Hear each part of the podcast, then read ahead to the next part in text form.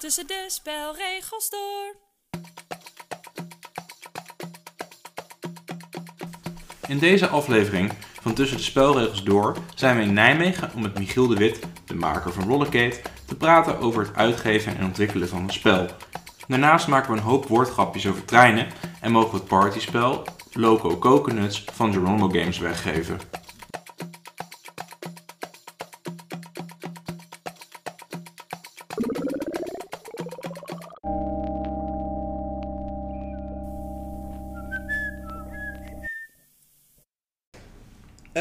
Welkom bij aflevering 4 van Tussen de Spelregels Door. Vandaag hebben wij te gast Michiel de Wit. Hoi. Hoi. Michiel kennen jullie onder andere van eh, het een Nederlandse spel Rollercade, eh, gebaseerd op het Goffertpark treintje in eh, Nijmegen. Kickstarter geweest in, corrigeer me als ik het verkeerd heb, Michiel 2019. Klopt, ja, in mei ergens. Mei 2019. Inmiddels is daar een eh, tweede versie van verschenen, een tweede uitgave, een eh, herdruk eh, bij HOT Games. Maar Michiel, je hebt eh, volgens mij nog wat meer plannen de komende tijd. Dus dat wil ik zo meteen met jou bespreken. Ik Maar- vind het wel jammer hoe we de podcast beginnen hoor. Ik had al helemaal een woordgrap voorbereid dat ik op de hype train zou zitten nu. De hype train van Ja, Rollercade. Precies. Ja, kan dus nu niet meer. Nou, het spijt me. Te laat. Ik wilde namelijk een eh, soort van eh, sentimentele opmerking aan eh, Michiel. eh, eh, Ontlokken, ja? Nee, nee, nee, eh, eentje geven. Want wist jij dat jij eigenlijk de geestelijk vader bent, onbedoeld, maar wel de geestelijk vader van Dice Daniel? Nee, nee, dit... Dit, dit, Dit- dit wisten wij ook niet. Ik moet Dit het wisten wij ook wel, ja. Ik, eh, ik weet niet wanneer het was, maar het was ergens vorig jaar. Toen heb jij mij een sms'je gestuurd met de vraag of ik een recensie wilde schrijven van Rollercade. Want ik had de Kickstarter editie met een tinnen treintje. Toen heb jij waarschijnlijk iedereen gecold call. Het, die, Nee, eh, nee, niet heel, heel breed. Nee. Nee. nee. ik weet wat je bedoelt. Ja, nee, het is gewoon speling van het lot. Het speling van het lot. Toen heb je mij gevraagd of ik een review wilde schrijven van Rollercade voor op Board Game Geek. En toen bedacht ik, ik postte al op mijn persoonlijke account van Instagram al wel eens eh, eh, dat ik bordspellen aan het spelen was. Maar dacht ik van, zou het eigenlijk niet leuk zijn om wat vaker reviews op, eh, op Instagram te gooien? Volgens mij is dus Rollercade een van de eerste geweest die is gereviewd op, op Instagram. En eh, eh, ja, dat, dat leidde tot, eh, tot meer reviews en uiteindelijk tot de naam Dice Daniel is er toen bijgekomen. Maar ik wil dat je niet onthouden dat Ah, jij ik misschien... Even, ik moet even een traantje wegpinken nu. Ja, ik vind het wel een mooi verhaal. nee, ik weet niet dat... Ja, dat is wel bijzonder dat dat er dan van gekomen is. Ja, ik heb het, ik heb het net, want we hebben al een heel leuk, gezellig gesprek met jou, met z'n drieën en met jou als vierde, vierde man nu gehad. Eh, onder het genot ook wel van wat eh Thais eten, maar we hebben al eh, een hele gezellig gesprek gehad. Maar deze heb ik toch nog even bewaard voor de podcast. Ja, gewoon om even de rauwe emotie niet op tafel te krijgen. Dat je gewoon echt het geluid van een, een doekje wat de tranen wegveegt nog wel even erin hebt. Ja, Dat het echt is, ja. ja, deze aflevering is ook gesponsord door Kleenex. Nee, ik herinner me dat, eh, dat berichtje wel, dat je op een gegeven moment een bericht stuurde. Zei, oh, wat, wat grappig dat je mij vraagt om een recensie te schrijven. Want ja, ja dat is, waarom vraag je dat? Ja. Ik, ik dacht, ja, maar dat is- ik denk dat ik jou op Boardgame was tegengekomen. Dus ik dacht, oh, volgens mij weet die jongen er wel wat van. Misschien kan ik hem eens vragen. Ik, was, ik ben altijd heel impulsief met die dingen. Ja, Dus ik dacht, oh, dit, is- dit voelde goed en dat wilde ik vragen. En ja, echt rein toeval. ja nee, en eh, uiteindelijk is dat eh, een review van een eh, klein, vlot, pusherlijk treinspelletje. Heeft uiteindelijk geleid tot, eh, tot meer reviews eh, op Instagram en eh, wat meer foto's. Dus nog bedankt dat je me een sms hebt gestuurd. Of Ja. was het een WhatsApp? Met plezier, ja. Ja. Maar nou ja, zoals ik al zei, van ja, Rollercade. Kun je ons iets leuks vertellen over de, over de nieuwe uitgave? Iets dat je misschien kwijt wilt? De nieuwe uitgave. Nou ja, ja, wat ik vooral leuk vind is om te zien dat het, dat het wel echt opgepikt wordt. Dat mensen het ook echt leuk vinden. Ehm, de eerste versie was natuurlijk knutselversie, wil ik niet zeggen. Want het was echt al, ik heb echt mijn best gedaan om het heel mooi te maken. Maar dit is de eerste echte retail versie die in de winkel ligt. En dan is het toch wel spannend wat er gebeurt. Er is heel veel ziel en zaligheid ingegaan om het zo mooi en zo goed en zo economisch mogelijk gedaan te krijgen. En mensen eh, er ook echt bij te halen die er liefde voor hebben. In plaats van alleen maar toch het als een product zien. Dus waar ik vooral nu blij mee ben, is dat, het, ja, dat, dat mensen het leuk vinden. Als ik dan een bordje uit Friesland van ehm, eh, een, een winkeleigenaar die dan dus buiten een plakkaat heeft gezet met een aantal grote spellen, heb ik echt codenames en zo. En dan staat Rollercade daar als laatste spel in het rijtje. Ja, Cool. ja het, het wordt wat mij betreft niet mooier dan dat. Vind ik echt zo schitterend. Dus ehm, ik ben er wel blij, want ik, ik ben heel trots op eh, dat, dat kleine houten treintje wat er dan nu toch weer in zit. Hè. Je weet van de eerste editie, dat was een, eh, een. En dat was eigenlijk stiekem ook de aanleiding om het spel te maken, omdat ik gewoon graag een tinnentreintje wilde. Ja. En eh, nu dat die er niet in zat, omdat het gewoon echt, dat kan niet uit economisch, Ja. moest er iets anders in. En ik ben wel blij dat dit houten treintje erin zit, dat er ook Mhm. opdruk op zit en dat de opdruk is gemaakt door de tingieter. Oké. Dus het is echt full circle al een beetje. Dus eh, iedereen is nog steeds aan boord in dit, eh, dit spel. Nice. Aan boord, Rick. Ja, maar het klinkt dus wel alsof het eh, allemaal op rolletjes loopt. ja, absoluut. Ja. ja. Was er ooit een eh, moment tijdens het proces dat je dacht, dit, dit gaat ontsporen? Of, eh? Oh, die wilde ik ook maken. Ik had even zo'n lijstje moeten maken. Eh, ja, nee, ja. Wel een aantal keer dat ik dacht, is dit nou echt zo'n idee? Moeten we dit nou wel doen en zo? Ehm, maar toch nog steeds door. Weet je, en dat was ook mijn idee van, ik doe dit primair omdat ik het heel leuk vind. En niet omdat het een enorme business moet zijn. En dan kun je het best wel lang volhouden. Anders ben ik al veel eerder eh ja, aan de noodrem getrokken. Want, eh, want eh, op welk moment stapte jij in? Dat je dacht van, ik ga een spel maken. En ik beloof aan de luisteraars dat dit de laatste eh, woordgrap over treintjes is. eh althans geforceerde woordgrap over treintjes is. Ik wil al zeggen, ik heb nog een paar voorbehouden hoor. Ik heb er een paar. Maar ehm, hoe kwam je erop? Want dus, volgens mij stond er op de Kickstarter destijds stond omschreven van dat je dit ging doen omdat je het Goffert Park treintje terug wilde halen. Eh, ik weet niet, jullie zijn, kijk, ja, ik- Chris, vertel jij maar wat het Goffert Park treintje is. Ja, het treintje wel door het Gofferpark reden. Dat zit gewoon redelijk in het woord, eh, denk Ja. ik. Goffert Park te Nijmegen. Eh, ik wil wat, Dat het hele verhaal, als ik je toe dat ik even langzaam op zoom kom. Ja, Dan krijg je het hele verhaal en je kan het ook weer uitknippen, toch? Eh, nou, ik, ik woon hier nog niet zo heel lang en inmiddels is dat trouwens toch stiekem al wel zes jaar. En toen ik hier kwam wonen, toen vrij snel daarna werd mijn eerste dochter geboren. En ik herinner me dat ik met de fiets, met haar ging fietsen, omdat ze net kon zitten. En toen kwam ik in het Goffertpark en ik was ook nog maar weinig geweest. Ik kom eigenlijk uit Rotterdam en ik heb tijdens de Ede gewoond. Nijmegen was helemaal nieuw. En toen zag ik ineens daar in het asfalt een paar stroken rails liggen. Ja, bij, bij de kinderboerderij. Ja, ik dacht, wat is dit nou? En ik, ik ben een beetje groot geworden met treinen, vrees ik. Dus ik, mijn, mijn hart begon echt eh, te bonzen. Ik zei, oh, trein, trein. Dus ik heb het nagevraagd bij, ehm nou, bij Lidwie, mijn vriendin, en op internet gegoogeld. En toen zag ik dat er een, een initiatief was om dat treintje wat ik kennelijk had gereden weer terug te halen. Dus ik heb toen Ja. meteen gemeld bij de jongen die zei, nee, we hebben niemand nodig. Dus dat was een beetje een rare gang van zaken. Maar een paar maanden later werd ik weer benaderd en toen zei ja, we kunnen misschien toch wel iemand gebruiken. En toen raakte ik aan boord bij die stichting die dat treintje deed. En toen ben ik me gaan verdiepen in dat treintje. En toen zag ik echt dat gewoon echt een mega ding is. Het- best wel ton. groot, hè? Echt een grote, grote locomotief met stoom en een mooi ding met een heel verhaal erachter. Ja het is niet zo'n... Kijk, in Amstelveen heb je ook zo'n treintje die door... Nou, ik weet niet of je Amstelveen een centrum kan noemen dat dat het heeft, maar er reed altijd zo'n treintje. Dat was echt zo'n klein kindertreintje. Nee, dit is Het een echte. Goffert Park trein is echt Dit een echt trein. een trein, ja. Dit, dit is een, een, eigenlijk is het een modeltrein. Eh, die man die het gemaakt heeft, die was volgens mij de zoon van een, eh, een stoomwalsmachinist. Dus die kende de techniek. En die heeft in zijn kelder heeft hij in Vreewijk die trein gebouwd. Die is wat kleiner en dit was de eerste wat grotere trein. Maar echt als een zelfontworpen trein, compleet met alles wat erbij hoort.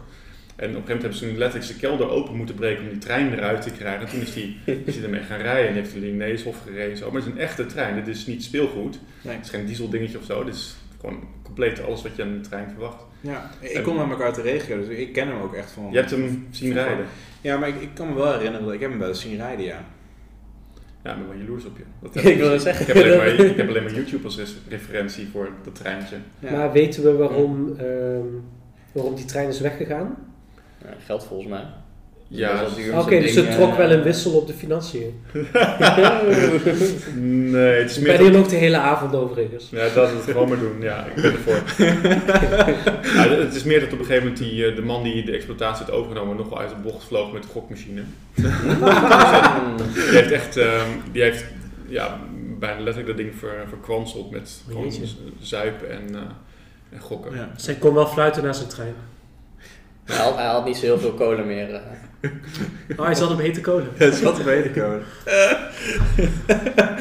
oh, wanneer is het eigenlijk geweest dat die trein niet meer eh, rijdt? Volgens mij, eh, maar dat, nu begin ik wel een beetje, eh, feiten en ik zijn niet zo goed, maar volgens mij was het 2014 of zo, dat is al Ja. een tijdje langer terug. Ja, ik geloof dat ik eh, ter voorbereiding voor deze podcast had ik gelezen dat hij in 2012 eh, is verhuisd naar Zweden. Ja, ja kan best wel. Ja. Maar ik ben hiermee naar trouwens kan, maar volgens mij is het, wat ik zei, ik heb Zoiets. feiten. Maar hij is inderdaad, toen is hij op een gegeven moment is hij opgedoekt, want hij is een paar jaar heeft hij veel problemen gehad, technische problemen. En Hm. op een gegeven moment besloot de toenmalige eigenaar dat het goed was geweest, dat het meer afbreukrisico opleverde dan iets anders. En toen heeft hij een heleboel eh, gewoon verkocht met rails en al aan Zweden voor een pretpark daar.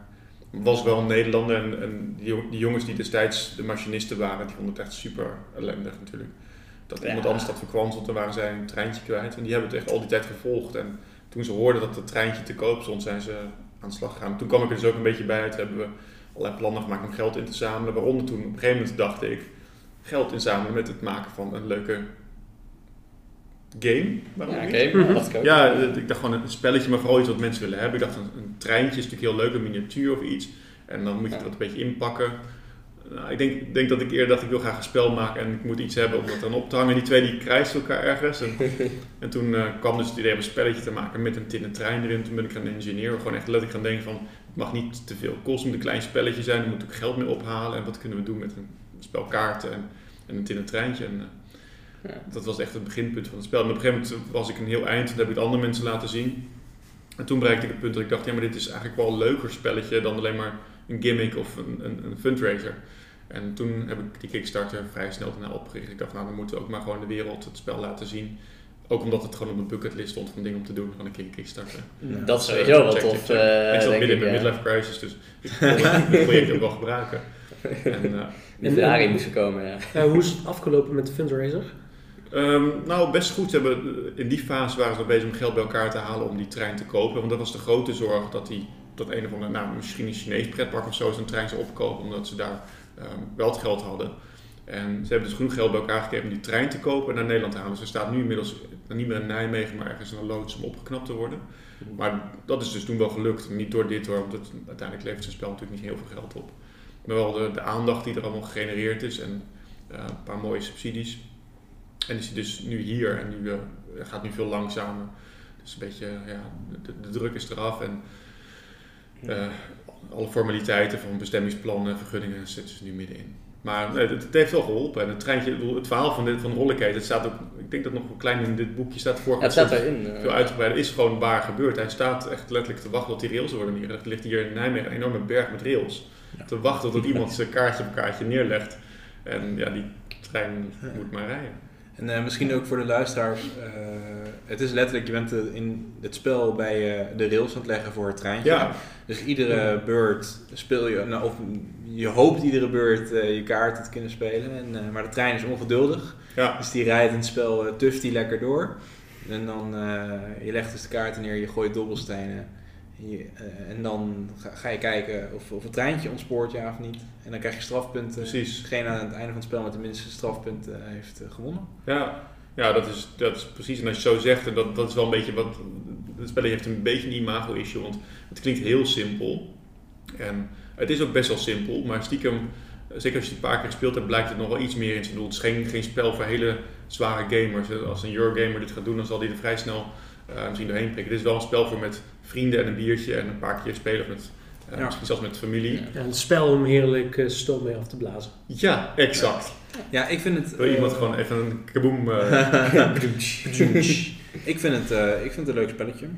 Eh, ook omdat de tactiek met name zit in je de strafpunten wegspelen. Dus je, misschien ook juist soms slim ontsporen zorgt ervoor dat je juist van, je, van je zware strafpunten soms afkomt. Ja, ja, er zit een beetje een raar soort psychologisch probleem in het spel.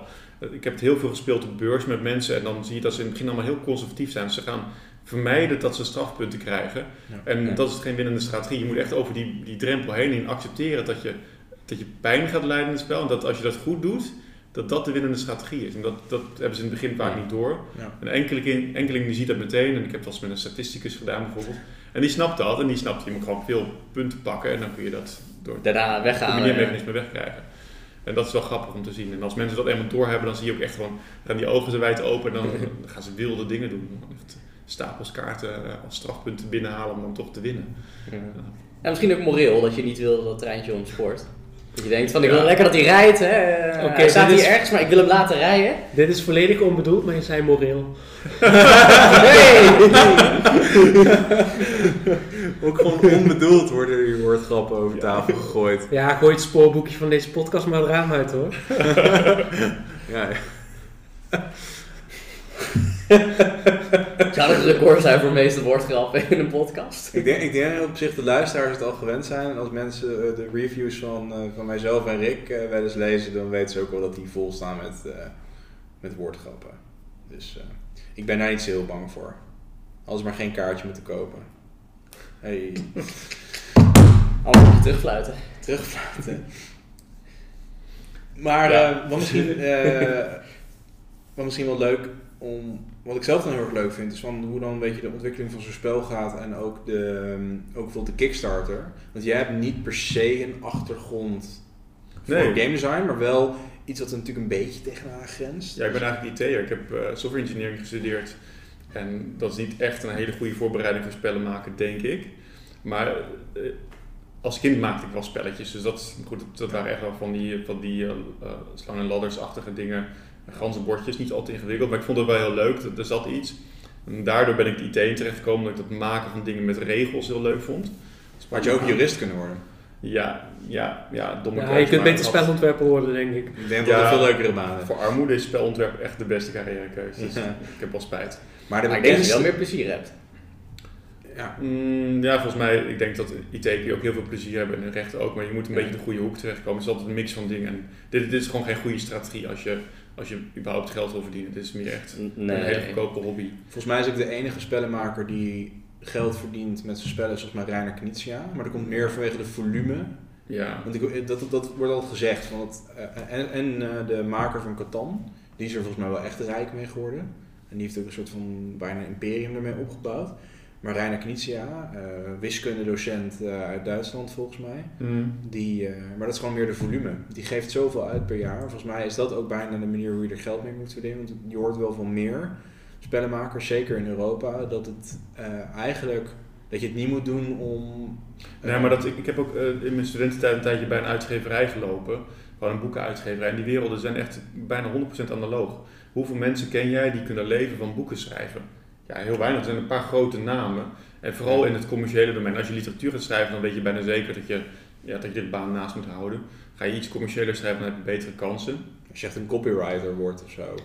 Ja, nou, of ook gewoon, eh, kijk, zoals een Dan Brown, dat is natuurlijk niet literatuur wat hij schrijft. Hij schrijft uiteindelijk, Pulp. nou ja, toch wel betere pulp. Ik bedoel, Het is, het is echt niet slecht, maar het is, Lectuur. Maar iemand die uit het literaire circuit komt, zal er een beetje op neerkijken. Of op zijn minst denken dat hij een broodschrijver is, wat ook een vies woord is. Ja. En de, de literaire wereld en de boekenwereld is, is, is vele malen groter qua markt dan de spellenwereld. Dus, ja, en als je ziet hoe weinig mensen daarvan kunnen leven, dan, dan snap je dat spellen nog erger zijn. Maar ja, als ik het goed begrepen heb, ben jij ook niet Rollercade gaan maken voor de faam en het geld. Nee, Maar nee, Het kwam gewoon- echt vanuit een passie. Ja, en ik denk dat dat voor bijna iedereen geldt die spellen maakt. Want het, het levert echt niet veel op. En ik denk best case, zeker met die kleine spelletjes, eh, verdien je een paar dubbeltjes per spel dat er verkocht wordt. En eh, grotere spellen die zullen wat meer doen, maar dan worden weer minder verkocht. Dus eh, Ja. niemand kan daar de uren mee betalen die erin stopt. Maar het is, ja, ik- als je het als een goedkope hobby beschouwt, is het prima. Ik bedoel, je kunt ook motor gaan rijden of gaan duiken of op windsport gaan. Dat kost alleen maar geld. En dit levert per saldo in ieder geval een soort van neutrale Ja. balans op. Dus jouw midlife crisis was een stuk minder duur dan, eh, Ja. dan iemand die een oldtimer koopt om constant op te knopen. Ja, daar troost ik mezelf altijd mee als ik dan weer tijd kwijt aan het maken. Nee, dat, dat is het denk ik wel. En, ehm, Ja. Ja, en je wil natuurlijk ook niet mainstream. Ik bedoel, kijk, een mainstream uitgever zoals een, een Hasbro of een MB, daar gaat het volgens mij qua winsten wel lekker. Ja, dat zijn de de- uitgevers Dus waarschijnlijk. meer van, eh, de- precies, dat zijn de uitgevers, daar, daar kan je wel winst Die- pakken, want je hebt eh, alleen maar zeg maar hè, de, de, de- ja, de monopolies. eh, maar in zekere zin, maar dat uitgeven. geldt voor uitgevers in het algemeen wel. Dat zijn wel de partijen die de beste kans hebben om, om te winnen en echt iets te verdienen. En eh, goed, ja, in Nederland zijn er niet zo heel veel uitgeverijen. Maar als er mensen in Nederland zijn die dure auto's rijden van de spellen, dan moet je ze bij de uitgeverijen zoeken. Precies. Eh, en niet bij de ja, die paar mensen die spellen bedacht hebben in Nederland. Ik, eh, daarover, over die relatie tussen eh, uitgever en ontwikkelaar. Ik kreeg een keer een berichtje van de maker van Escape from Atlantis. Dat is een spel uit de jaren 70 of 80, heel oud. Maar die man die heeft een soort van meme-pagina op Instagram tegenwoordig. Dat is heel leuk. Een eh, wat oudere man die dus memes deelt. Ik volg hem ook graag terug. Maar die stuurde mij een keer een persoonlijk berichtje. Die zei van, hé, een advocaat die, die spelletjes speelt, had ik die vroeger maar gehad. Want eh, toen ging hij een eh, verhaal vertellen over van hoe dat dan zat met eh, royalties en zo. En die man die heeft letterlijk niks verdiend aan het spel totdat hij werd heruitgegeven eh, een paar jaar geleden. Toen, eh, toen, toen kreeg hij opeens een beetje, een beetje recht ervoor. Dus die, die heeft een paar spellen gemaakt vroeger en daarna nooit meer. Omdat, die gewoon, omdat het eigenlijk gewoon niks opleverde. Ja. Dus eigenlijk moet hij gewoon een veel grotere big business van maken. Een beetje een Hollywood-stijl. Dan kan de acteur, hè, de, uitge- de maker, kan, kan ook nog lekker cashen. Ja, maar in ik plaats weet van niet- alleen maar de Warner Bros. Ja, eh, maar ik weet niet of alle bordspellen eh, gelijk moeten worden aan een, eh, een gemiddelde Hollywood film. Ik denk Dan dat weet wel ik dat de niet de rol, creativiteit verdwijnt. ja. Nee, dat niet. Maar ik bedoel meer van, daar is natuurlijk, daar heb je een beetje eenzelfde verhouding. Hè? Je hebt wel iemand die zeg maar een, een, een play of iets maakt. Hè? Die bedenkt een film, feitelijk. Hè? Of je bedenkt een film of je bedenkt een spel, zeg maar. Maar het is niet alsof die eh, daar niks voor krijgen. Die krijgen daar best wel eh, goede centen voor terug. Ja, Ja, jij markt, doet eh, meer op de vakbonden, denk ik. Wat? Nee, nee, nee, maar bijvoorbeeld zoals inderdaad, eh, eh, gewoon als je een film schrijft.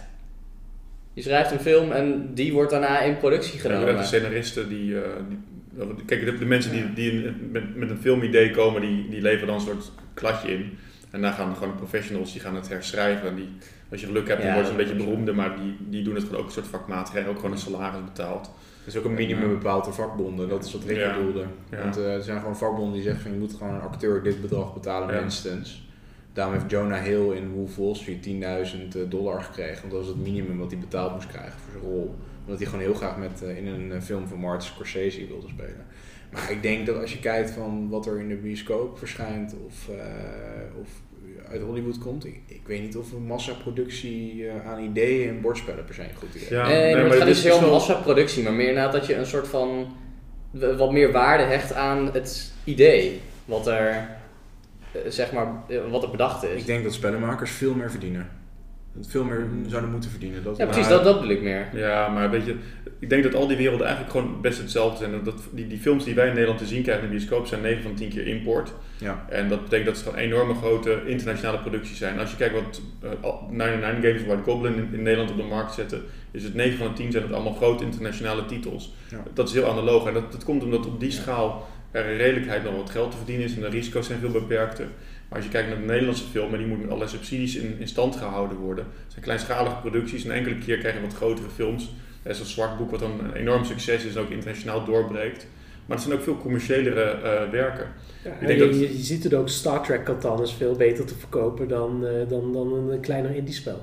Ja, en, maar goed, aan de andere kant, zolang als dat ecosysteem ehm, in balans blijft, ja, ja, ja, er zijn echt heel veel. Er zijn heel veel Catans. Waar Star Game of Thrones Catan, Ik Star Game of. Thrones Catan wist ik dat die Game of Thrones maar- Catan is wel jammer, want na seizoen 8 kunnen ze al die edities wel weggooien wat mij betreft.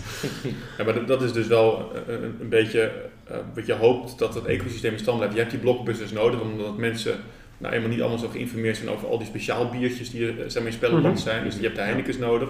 En ook die speciaal biertjes, zolang ze elkaar niet in de weg zitten en ook een beetje koesteren, is het goed. Hè? Want zo'n heel groot bedrijf heeft moeite met innoveren of met, nog, met, met aan te voelen wat er gebeurt. Terwijl de hele kleintjes juist veel wendbaarder nog zijn. Die, die hebben nog helemaal geen imago waar ze aan vastzitten. Dus zolang als dat, dat er is, is het goed dat je kleine indies hebt en grote jongens. En die helpen elkaar ook een, een beetje. En dat, Ja, Monopoly is nog steeds het meest verkochte spel ieder jaar. Eh, als ik cijfers mag geloven, ik weet niet van in hoeverre die cijfers altijd. Dat is toch bizar, hoe oud Heel is dat realistisch. spel? Dat is spel is heel oud, 1940, 100 jaar 50 of zo? Ja. Het spe- kijk, Monopoly is ook geen leuk spel. Alleen, er zijn heel veel mensen die kijken dan heel erg neer op dat soort spellen. Eh, van ja, dit hoor je niet spelen, echt, echte gamers spelen dit spel niet. Maar dat vind ik altijd zo'n ontzettende eh, buitensluitende mening. Want zoals jij al terecht zegt, Michiel, van je hebt de Heineken's nodig om mensen naar het speciaal bier te krijgen. Als Monopoly eh, en Catan niet zouden bestaan, heb je ook niet dat mensen de wat meer niche spellen ontdekken. Dat is toch als wat vaak een opstapje. En Ja, dat is dan eerder dat je zegt van ja, Monopoly bestaat, maar kijk, dit bestaat ook. En dan laat je dat zien, net zoals als je mensen alleen maar Heineken drinken. Je stelt ze vervolgens voor om ehm, een, een, noem een willekeurig speciaal biertje te drinken, dan, dan staan ze er wel voor open. ja, maar ook niet per se allemaal. Het, is- het is ook een beetje bijna elitair om te zeggen dat het een ladder is. en Dat je naar boven gaat als je naar een speciaal bier gaat. Of dat je naar boven Ja. gaat als je naar het indie spel gaat. Het is gewoon een andere smaak. Ik bedoel, Ja. Als je een indie spel neemt, en dat geldt misschien voor Rollergate ook nog wel. Er zit altijd wat, wat ruwe randjes om. Of je moet, je moet er echt van houden. Terwijl Monopoly is een polijst product. Ik vind het ook niet zo'n leuk spel. Maar eh, je bent er al van kinds af aan mee opgegroeid. Ja. Eh, je- iedereen snapt het. Het is niet altijd moeilijk om te leren. En eh Nou ja, duizend heb, eh, smaakjes. ja. Het is ook een makkelijke... Ja, mijn, mijn eh, mijn moeder heeft soms een beetje last van het verlaten nest syndroom, geloof ik. En dan heeft ze dan eh, kinderen waar ze op past. Als ik dan toevallig bij mijn ouders op bezoek ben en ik moet ze even bezighouden met een spelletje, dan haal ik wel gewoon mijn oude Monopoly Junior uit de kast. Ja, Dat hoef je niet uit te leggen. Eh, kies een kleur, betaal voor de achtbaan. Wil je, Ja. wil je popcorn, dan kan dat. ja, Ja. dat is toch prima? Ja. En ik, denk, het enige wat je inderdaad kan afdingen is wanneer je zou zeggen van joh, dit is het enige wat ik wil spelen en ik wil niet naar iets anders kijken. Weer ik denk van, eh, dan zit hier een waardeoordeel, maar ik denk dat is wel jammer. Want er is nog heel veel eh, andere dingen die je kan ontdekken. Ja, maar goed, dat geldt ook. Kijk, er zijn heel veel mensen die elke dag naar goede tijden, slechte tijden kijken en daarna de tv uitzetten. Ja, er komt, hoe later je na 11 uur zeg maar eh, in de buurt komt, eh, wordt het steeds beter. Maar goed, Ja. ja, is, is dat slecht als mensen alleen maar goede tijden, slechte kei- tijden kijken? Ieder zijn ding toch? Nee, precies, daarom is niet direct een waar. Ja, meer dat inderdaad. Ik denk van ja, het is jammer, want je had nog wel wat andere dingen kunnen zien. Maar, mijn opmerking over ladders, niet, ja, het is wel, je, je stipt het terecht aan dat er bijna impliciet een soort van waardeoordeel zit. Dat bedoelde ik natuurlijk eh, in dat opzicht Nee, zeker niet, maar dat bedoelen we allemaal niet. Maar het is maar, wel maar dat, je- dat je- idee. het is wel een spiegel. Dus dat is op zich wel heel goed. En eh, ik denk ook, eh, daar komen we later in een andere podcast nog over terug, over van hoe we tegen reviews aankijken. Maar ik geef bewust geen cijfers. Ook omdat het namelijk zo erg ten eerste contextafhankelijk is, een spel. Met wie speel je het? Wanneer speel je het? Hoe speel je het? Maar ook van, wat is gewoon je smaak? En elk spel Ja. heeft een doelgroep. Ik denk dat oprecht elk spel leuk is in dat opzicht. Dat iedereen, je hebt, ja, nee, oké. Er zijn ook wel een paar objectief slechte spellen. wou- die zijn er ook zeker. Atmosfeer. maar wel een leuke ervaring. Nou, van dat spel raakte ik wel het spoor bijster hoor. maar Je bent nog steeds on track, heel goed. Zeker weten. over on track gesproken, we wilden het eigenlijk met name gaan hebben over de, de ontwikkeling natuurlijk eh, Ja, van een spel. Leuk, ja. Eh, want je bent momenteel ben je ook bezig met een spel, maar misschien is het ook wel leuk om iets te vertellen over hoe de ontwikkeling van, van Rollercade ging. Nou ja, ik, ik ben vooral even benieuwd. Jij zei net dat je een achtergrond hebt in eh, software engineering. Ik zou denken dat het schrijven van code juist zou helpen bij het ontwerpen van een spel. Want ook bij een code moet alles natuurlijk kloppen, want anders werkt het niet. Ja, de- ik weet niet, dat zal voor jullie ook wel gelden, maar als je, als je heel lang, of in ieder geval lang genoeg een bepaald beroep uitoefent, gaat het een beetje in je manier van denken zitten. En als je veel aan het coderen bent, ga je op een gegeven moment ook wat algoritmischer denken. En wat wiskundiger, denk ik, zou ik ook wel zeggen. En dat helpt wel om na te denken over eh de concepten in het spel. Dus ik ben daar niet zo eh, ehm, ver gegaan dat ik echt alles in zeg maar, formules ben gaan opschrijven. Maar in mijn hoofd is dat wel de manier van ordenen. En ik, zie altijd die structuren voor me en ik probeer zo te redeneren. Dus dat speelt een rol. En als ik spelregels probeer te bedenken, dan denk ik ook in dat soort termen van is het goed te implementeren.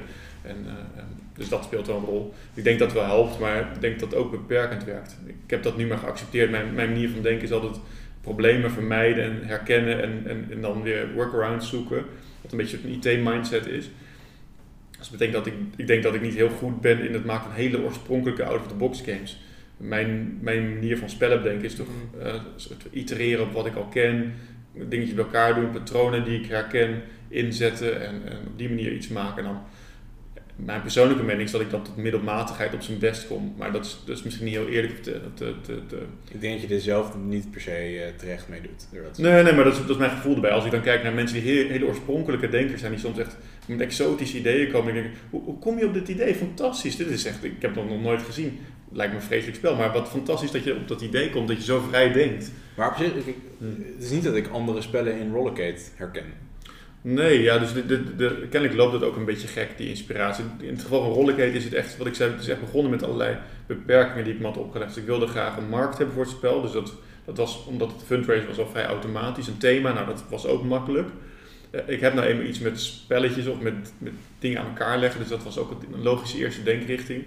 En ik had er wat rondgekeken, ik had wat ervaring met eh kaartspel maken uit het verleden, dus ik wist hoe je dat moest doen. Dus dan ga ik een kaartspel maken, is ook nog niet al te duur. En dobbelstenen misschien nog wel, dat kan ook nog wel. Dan moet een klein doosje. Dus al die constraints had ik al. Dus ik ben gewoon begonnen met nou ja, mijn, mijn railsjes op kaart te tekenen. En gewoon, ik had, er, ik had op straks wel geprint, want ik hou wel van een beetje netjes. Dat het wel gevoel op, oplevert. En toen ben ik gewoon gaan neerleggen op tafel en kijken wat ik ervan vond. En dan echt een soort van een hele korte terugkoppelingsloop maken. Dat ik steeds kijk van ik doe nu dit, wat vind ik ervan? Nou, dat vind ik wel niks aan. Wat moet ik doen om het leuker te maken? Wat zou voor mij, nou, beperking zou het misschien voor mij leuker maken. Of ben gewoon dingen op die kaart gaan schrijven, cijfertjes, kijken wat er dan gebeurt. En dat proces wat wat mij betreft heel iteratief, gewoon steeds evalueren wat ik ervan vind. En dan nadenken, een soort van uit mijn bibliotheek met mechanismetjes eh, er iets bij stoppen. En dan weer en op mensen erbij proberen. En dan zoeken naar de balans van wat, wat zit er nog niet helemaal goed als we dit spelletje spelen. En voor mij was het echt een heel erg ja, iteratief, beetje vloeiend proces. Ja, ik denk dat er ook wel mensen zijn die dat misschien veel eh, meer als een soort engineering eh, opdracht zien. Niet gewoon echt van A tot Z in elkaar zetten. Maar ja, dat is misschien ook, als je dan toch de link zoekt met software, mijn agile mindset. Ik ben toch al vanuit de software getraind om, ehm, om agile te denken, om kort cyclisch te werken, omdat je, dat je hele... Korte sprints. Precies, ja, dus trein en, en software term, heel goed, ja. Uh, meer software dan trein. Uh, bij korte sprints, gewoon een hele korte tijd van, van idee tot realisatie, dat je snel kunt, kunt testen of je op de goede weg zit. En dat je niet zo'n miljoenenproject krijgt met ontspoort. Hey, um, want dat is wel wat er in de software altijd gebeurt en dat heb ik wel meegenomen. En ik moet eerlijk zeggen dat ik ook niet zo'n goede planner ben. Dus het is ook wel een gelegenheidsargument. Het kan niet anders. Dus ja, als dit dan de mode van de dag is, dan omarm ik dat maar. Maar je, maar je hebt dus veel geprobeerd. En, uh... Ja, het was wel redelijk doelgericht moet ik wel zeggen. Want ik, uh, er zijn wel, wel veel iteraties geweest, maar het convergeerde wel vrij snel naar iets. Ja. En, Hoeveel prototypes heb je in totaal gehad? Ik denk drie of vier of zo, niet zo heel veel. Dat valt wel mee. En hoe vaak, hoeveel playtests zaten er ongeveer? Voordat de Kickstarter begon, denk ik, ik denk ik misschien 30, 40 potjes max. Maar ik denk eerder 30 dan 40, maar weinig. Dat is weinig, want je hoort vaak, uh, althans, uh, nou ja, volgens mij is het ook geen geheim dat ik uh, in ieder geval bezig ben met, met ideeën. Je hoort vaak van spellenmakers dat je ongeveer 100 playtests moet hebben voordat je het eigenlijk een beetje moet durven ja, ik denk dat is vast wel waar, ja, vast wel. Ja. Zou ik ook altijd tegen mensen zeggen, maar mijn intuïtie was vrij sterk en het, gewoon, ik, ik vaar vaak op intuïtie. En in dit geval de signalen die ik kreeg van mensen. Ik had best wel wat verschillende uh, spelers bij elkaar gevraagd. En ik had het gevoel, het zat goed in elkaar. Ik wist dat het was simpel genoeg om te kunnen overzien of de gaten in het spel zaten. Dat vind ik wel belangrijk. De balans was goed genoeg. En dan voor de rest, ja, ik heb echt veel meer daarna gespeeld dan ervoor gespeeld, zeg maar. Ja. En toen pas ben ik ook dingen nog, zeg maar, de, de, als we dan toch weer over bier hebben, die, die, die finesses in de smaak gaan ontdekken. Gewoon die, die Ja. dingetjes waarvan ik niet wist dat erin zat. En ik, ik raakte zelf verrast door dat spelletje. Dus dat is, ja, misschien is dat geen goede manier van doen. Misschien dat ik geluk dat het niet, niet um, slecht afgelopen is. Maar ja, honderd keer plus testen is vast een heel goed idee. Maar Nou, maar misschien dat je daar juist dan na het wel qua IT-achtergrond dan wel juist uh, misschien minder behoefte aan meerdere playtests, omdat je best wel een beetje kon inschatten van wat is redelijk. Uh, inderdaad, wanneer zorg ervoor dat die balans er een beetje is en dat je dat misschien wat sneller door hebt, I guess. ik, heb, ik heb ook al gehoord van mensen die playtesten uh, dat ze dan het heel methodisch doen. En ik hou niet zo methodisch. maar die dan echt mensen vragen, spellenclubs bijvoorbeeld, die sturen een sample en zegt nou, uh, gaan jullie het spel spelen? En dan doet iedereen drie potjes en die gaat een formuliertje invullen en vertellen wat hij ervan vindt. Dan heb je dus heel veel playtests gedaan, maar niet zo heel veel um, gemeten. Want je, wat wij deden was uh, een playtest. En in, in, het spel zelf veranderden we de regels soms twee of drie keer, omdat we gewoon niet leuk vonden wat we deden. Dus we waren heel erg uh, agile. We keken gewoon echt naar binnen van wat vinden we ervan, is het niet leuk, stoppen we er meteen mee. Dus dat betekent dat wij met één potje spelen soms hetzelfde effect konden hebben als drie maanden playtesten met mensen. Want je krijgt het formuliertje ja. terug, je gaat denken wat moet ik ermee doen, puzzelen, een paar varianten op tafel leggen, dan ga je dat weer uitwerken, dan ga je dat weer playtesten. Dan ga je heel veel testen, maar ik weet niet of het effectiever is. En in dit geval, omdat het een heel klein spelletje is, denk ik dat we in de eerste periode van heel veel meters hebben gemaakt door het heel erg klein en, en flexibel op te zetten. Het, het, het, klinkt ook wel een beetje alsof jouw manier van testen misschien wat voor wat, hoe zeg je dat, organischere feedback zorgt dan wanneer je gewoon mensen formuliertjes uitdeelt met vragen. Ja, dat, dat is wat ik graag denk, ja. Maar het is ook wel, ik denk niet dat het zomaar per se voor iedereen heel geschikt is, want uh, je leunt heel zwaar op intuïtie. Uh, tenminste, er is niet echt een methode hieronder. Je kan niet zeggen, ik kan niet mijn methode aan iemand anders geven, zeg nou doe het maar. Nee. Dus ik moest erbij zijn, anders werkt het niet. Dat is de, de, de portée ja. van het systeem. Maar het lijkt een beetje van, we hebben uh, een van de eerdere prototypes van mijn idee gedaan. Ik, heb, ik kijk uh, Rick ja. en Chris aan. Dat was ook een beetje op deze manier. Daar hebben we ook uh, tijdens spelen hebben we wat nieuwe regels verzonnen erbij. Ja, ik ben ook heel goed ja. dat we halverwege het spel zeiden van oh dit, dit is echt suf en uh, dit moeten we niet doen. Of oh nee, dit, dit, deze, als je deze zet doet, dan zou je twee keer zoveel punten moeten krijgen. Ja, Dus met name Ja. met de punten inderdaad, maar ook van eh, hoe kun je elkaar meer dwars zitten in dat spel. Ja, Maar misschien ja. moet je ook wel het onderscheid maken tussen eh, spelontwikkeling. Want dit zit misschien wel meer in de ontwikkelfase en Ja. playtesten. Want de playtesten, dat, dat met die formuliertjes, dat is waarschijnlijk... Meer voor de balans creëren in zo'n spel van... eh, Dus je moet eigenlijk wel al een goed uitgewerkt concept hebben voordat je echt, echt op zo'n testfase Ja, komt. zeker als het echt gaat over de finesses. hè. Ik weet bij, bij Wingspan dat, eh dat echt uitgebreide Excel-sheets zijn geweest om al die kaartjes precies te balanceren. Dat, ja, of je doet een simulatie, dat is een beetje de Knizia-oplossing. Of je gaat gewoon heel veel mensen vragen om potjes te spelen Ja. en feedback verzamelen. En als ze zeggen, ja, deze vogel is een beetje te sterk, ja, dan ga je dat tunen. Eh, maar in het geval van Rollergate is het best een eenvoudig spelletje. En de knopjes waaraan je kunt draaien zijn niet er niet zoveel. Eh, we hebben in, in ontwikkelfase best wel wat gerekend om te kijken hoeveel punten er van elk in moesten zitten. En daar wat statistische eh, modelletjes gemaakt. Dit klinkt heel fancy, maar dat was gewoon... Maar dan doe je gewoon een Excel opstarten of ben ik nu te bazaal aan het denken? gewoon een rekenmachine. nu dat je me hebt gezegd, ben ik te bezaal aan het denken met Excel, durf ik niet meer te zeggen dat het de achterkant van een bierveeltje was. Vrij letterlijk. Nee, het was gewoon papier en een beetje gewoon met een rekenmachine even wat dingen doorrekenen. Je hebt ehm, online wat simulators voor dobbelstenen, dus ik heb ook wel tijd gestopt in kijken wat daar de goede eh, verhoudingen waren, wat te verwachten. Eh, maar dat is dan een wiskundig term. Verwachten aantal ogen is wat je gooit in een, in een potje en dat moet een beetje kloppen met het aantal punten wat er in het spel zit. En ja, dan nog kunnen er wel rare dingen gebeuren. Je, je merkt dat met Rollercade het wel echt afhangt van hoe de kaarten geschud zijn, hoe het potje verloopt. En dat vond ik ook wel spannend, want ja, je merkt als er bijvoorbeeld in het begin heel veel lage punten in het dek zitten, dan, dan gaat dat spoor op tafel gaat, eh, groeien en groeien en groeien. En op een gegeven moment komt er een correctie, want die hoge kaarten zitten er ook en dan zie je dat het spel helemaal omdraait. Maar dat is ook vaak, mensen vergeten vaak, en mensen zeggen heel vaak over spellen met geluk, van geluk is niet gebalanceerd. Of wat dan ook, ze hebben een hekel aan spellen met geluk, maar ik denk, of ik ben oprecht van mening dat elk spel een factor van geluk eh, het spel weer balanceert. Kijk bijvoorbeeld naar schaak. In schaak zit geen enkele vorm van geluk. Dat is volledig wiskundig uitgedacht, eh, uitgedachte puzzel. Dat is ook waarschijnlijk de allure van, van schaak. Maar als jij een hele slechte speler tegenover een hele goede speler zet, kan die slechte speler nooit winnen. En als er een beetje geluk in een spel zit, mitigeert slash balanceert dat wel de verhoudingen Ja. tussen partijen. Dus ik, ik ben heel dankbaar voor geluk in spellen. Ja, je noemt het geluk, maar er was een hele mooie podcast van Ludology waarin ze echt een hele ehm, inventarisatie hebben gemaakt van alle vormen van wat ze noemen random, dus gewoon willekeur in het spel. En dobbelstenen zijn natuurlijk het voor de hand liggende eh, voorbeeld, maar die, die lijst, er waren echt wel meer dan twintig soorten. En een van de vormen van randomness die ze noemden was met wie je het speelt. En je zegt schaken zit geen willekeur in, maar de, tegen, de tegenspeler die is ook is niet helemaal leuk, ja. Ik weet, mijn, mijn neef, die, eh, toen was ik nog vrij klein, die had dan zo'n zo'n Commodore 64 op die schaakte. En die versloeg dat ding steeds. En nou is die jongen best wel slim. Ehm, maar de reden dat hij won was omdat hij eh, hele onverwachte zetten deed. Dus hij was heel random aan het spelen. Hij kon niet voorspeld worden door het hele simpele algoritme van toen. En dat was hoe hij won. Dus hij introduceerde zelf randomness. En ik ben een hele slechte spellenspeler feitelijk. Eh, maar ik hou er altijd van om gewoon wat te proberen. Een beetje op intuïtie. En ik ben Ja, redelijk ja. random in wat ik doe. En daardoor win ik nog wel eens een keer. Omdat ik niet helemaal aansluit bij de strategie van anderen. Want, ja, het ik, ik denk dat het vaak ook juist best wel in een spel de bedoeling is. Ik bedoel, je gaf volgens mij daar ook wel bij aan. Ik bedoel, dat bij Rollercoaster eigenlijk ook wel de bedoeling is dat hij juist wel op het slimme moment dat je hem laat ontsporen. Terwijl dat misschien inderdaad intuïtief niet, niet je eerste idee is, want je denkt, oh ik wil die trein laten Ja. rijden. Dat is ook wel grappig, want mensen die dus een beetje aan het proberen zijn, hebben daardoor best een redelijke kans om het spel te winnen. Want raar gedrag wordt niet afgestraft. Ja. Soms wel, je kunt echt wel domme dingen doen en dan verlies je ook veel- fors. Maar je kunt ook ineens ontdekken dat iets raars doen een werkende strategie is. En ik vind dat in spellen wel leuk. Als je ontdekt dat er een andere route is. Of, ja, want dat, dat is natuurlijk de grote puzzel met alle spellen. Dat je ehm, zorgt dat, dat je niet het monopolie-effect krijgt. Dat je na een half uurtje spelen eigenlijk weet wie er gaat winnen, maar dat je nog twee uur moet. Ja. Eh, Ja. Dat je dus probeert om een mechanisme zo te maken dat het zichzelf corrigeert en dat je tegen het einde nog steeds een redelijke kans hebt om te winnen. Eh, maar zonder dat mensen denken dat het complete willekeur is en niet zo'n zo'n spelquiz dat je de hele tijd één punt krijgt en in de finale krijg je 100 punten per vraag. Ja, dan waren al die één punt vragen onzin. Dus daar moet een soort manier zijn en willekeur helpt daar wel in. Want Ja.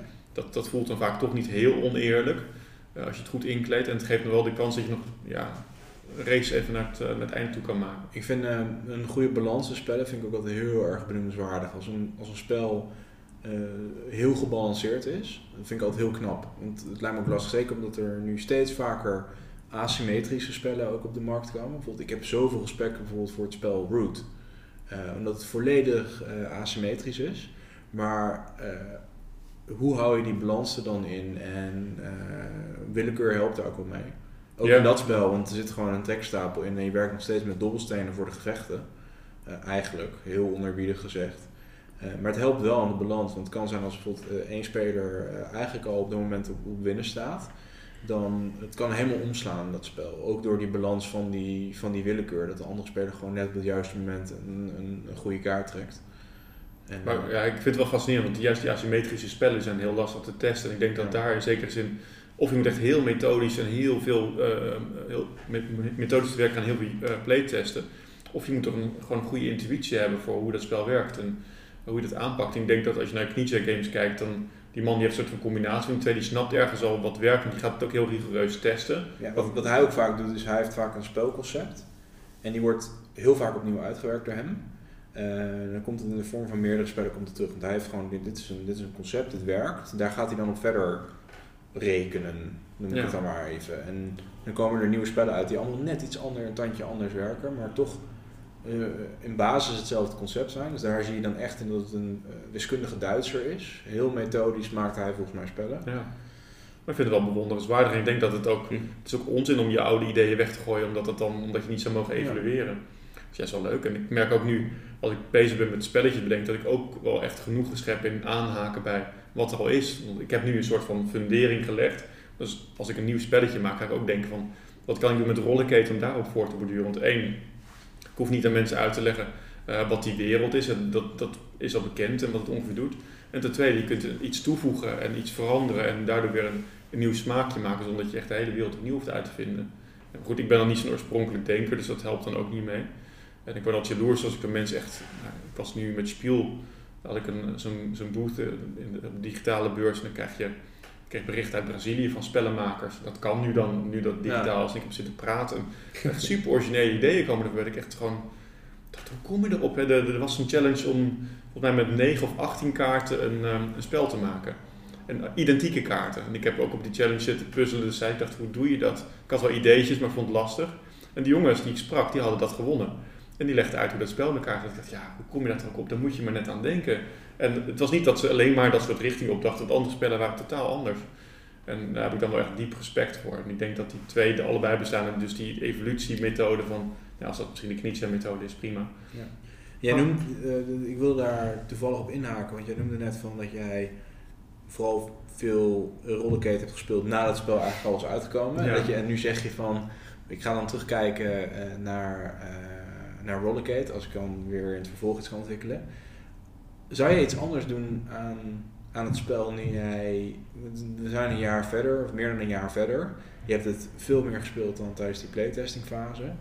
Ehm, het is wel zo dat in de nieuwe versie zitten extra, er zaten al solo regels in het oorspronkelijke spel, maar er zit nu een extra set aan Ja. solo regels bij. Maar zijn er, zijn er andere dingen nog uitgekomen waar je dacht van die wil ik eigenlijk, eh, die had ik eigenlijk anders gezien? Of die, of nee, je kan ook misschien zeggen heel algemeen van ik ook, daar wordt een ander spelconcept van mij waar ik dat in ga verwerken. Nou, de, de tweede editie was natuurlijk wel een uitgelezen kans om nog wat dingen op te lossen. En eh, wat, wat ik in ieder geval had gedaan, is vrij snel nadat die Kickstarter eruit kwam, heb ik een promo gemaakt. Want ik werd uitgenodigd door iemand om op spiel te komen. Ik dacht, ja, oh, dit is leuk, dan ga ik een promo maken. Want dat voelde als iets wat je hoort te doen.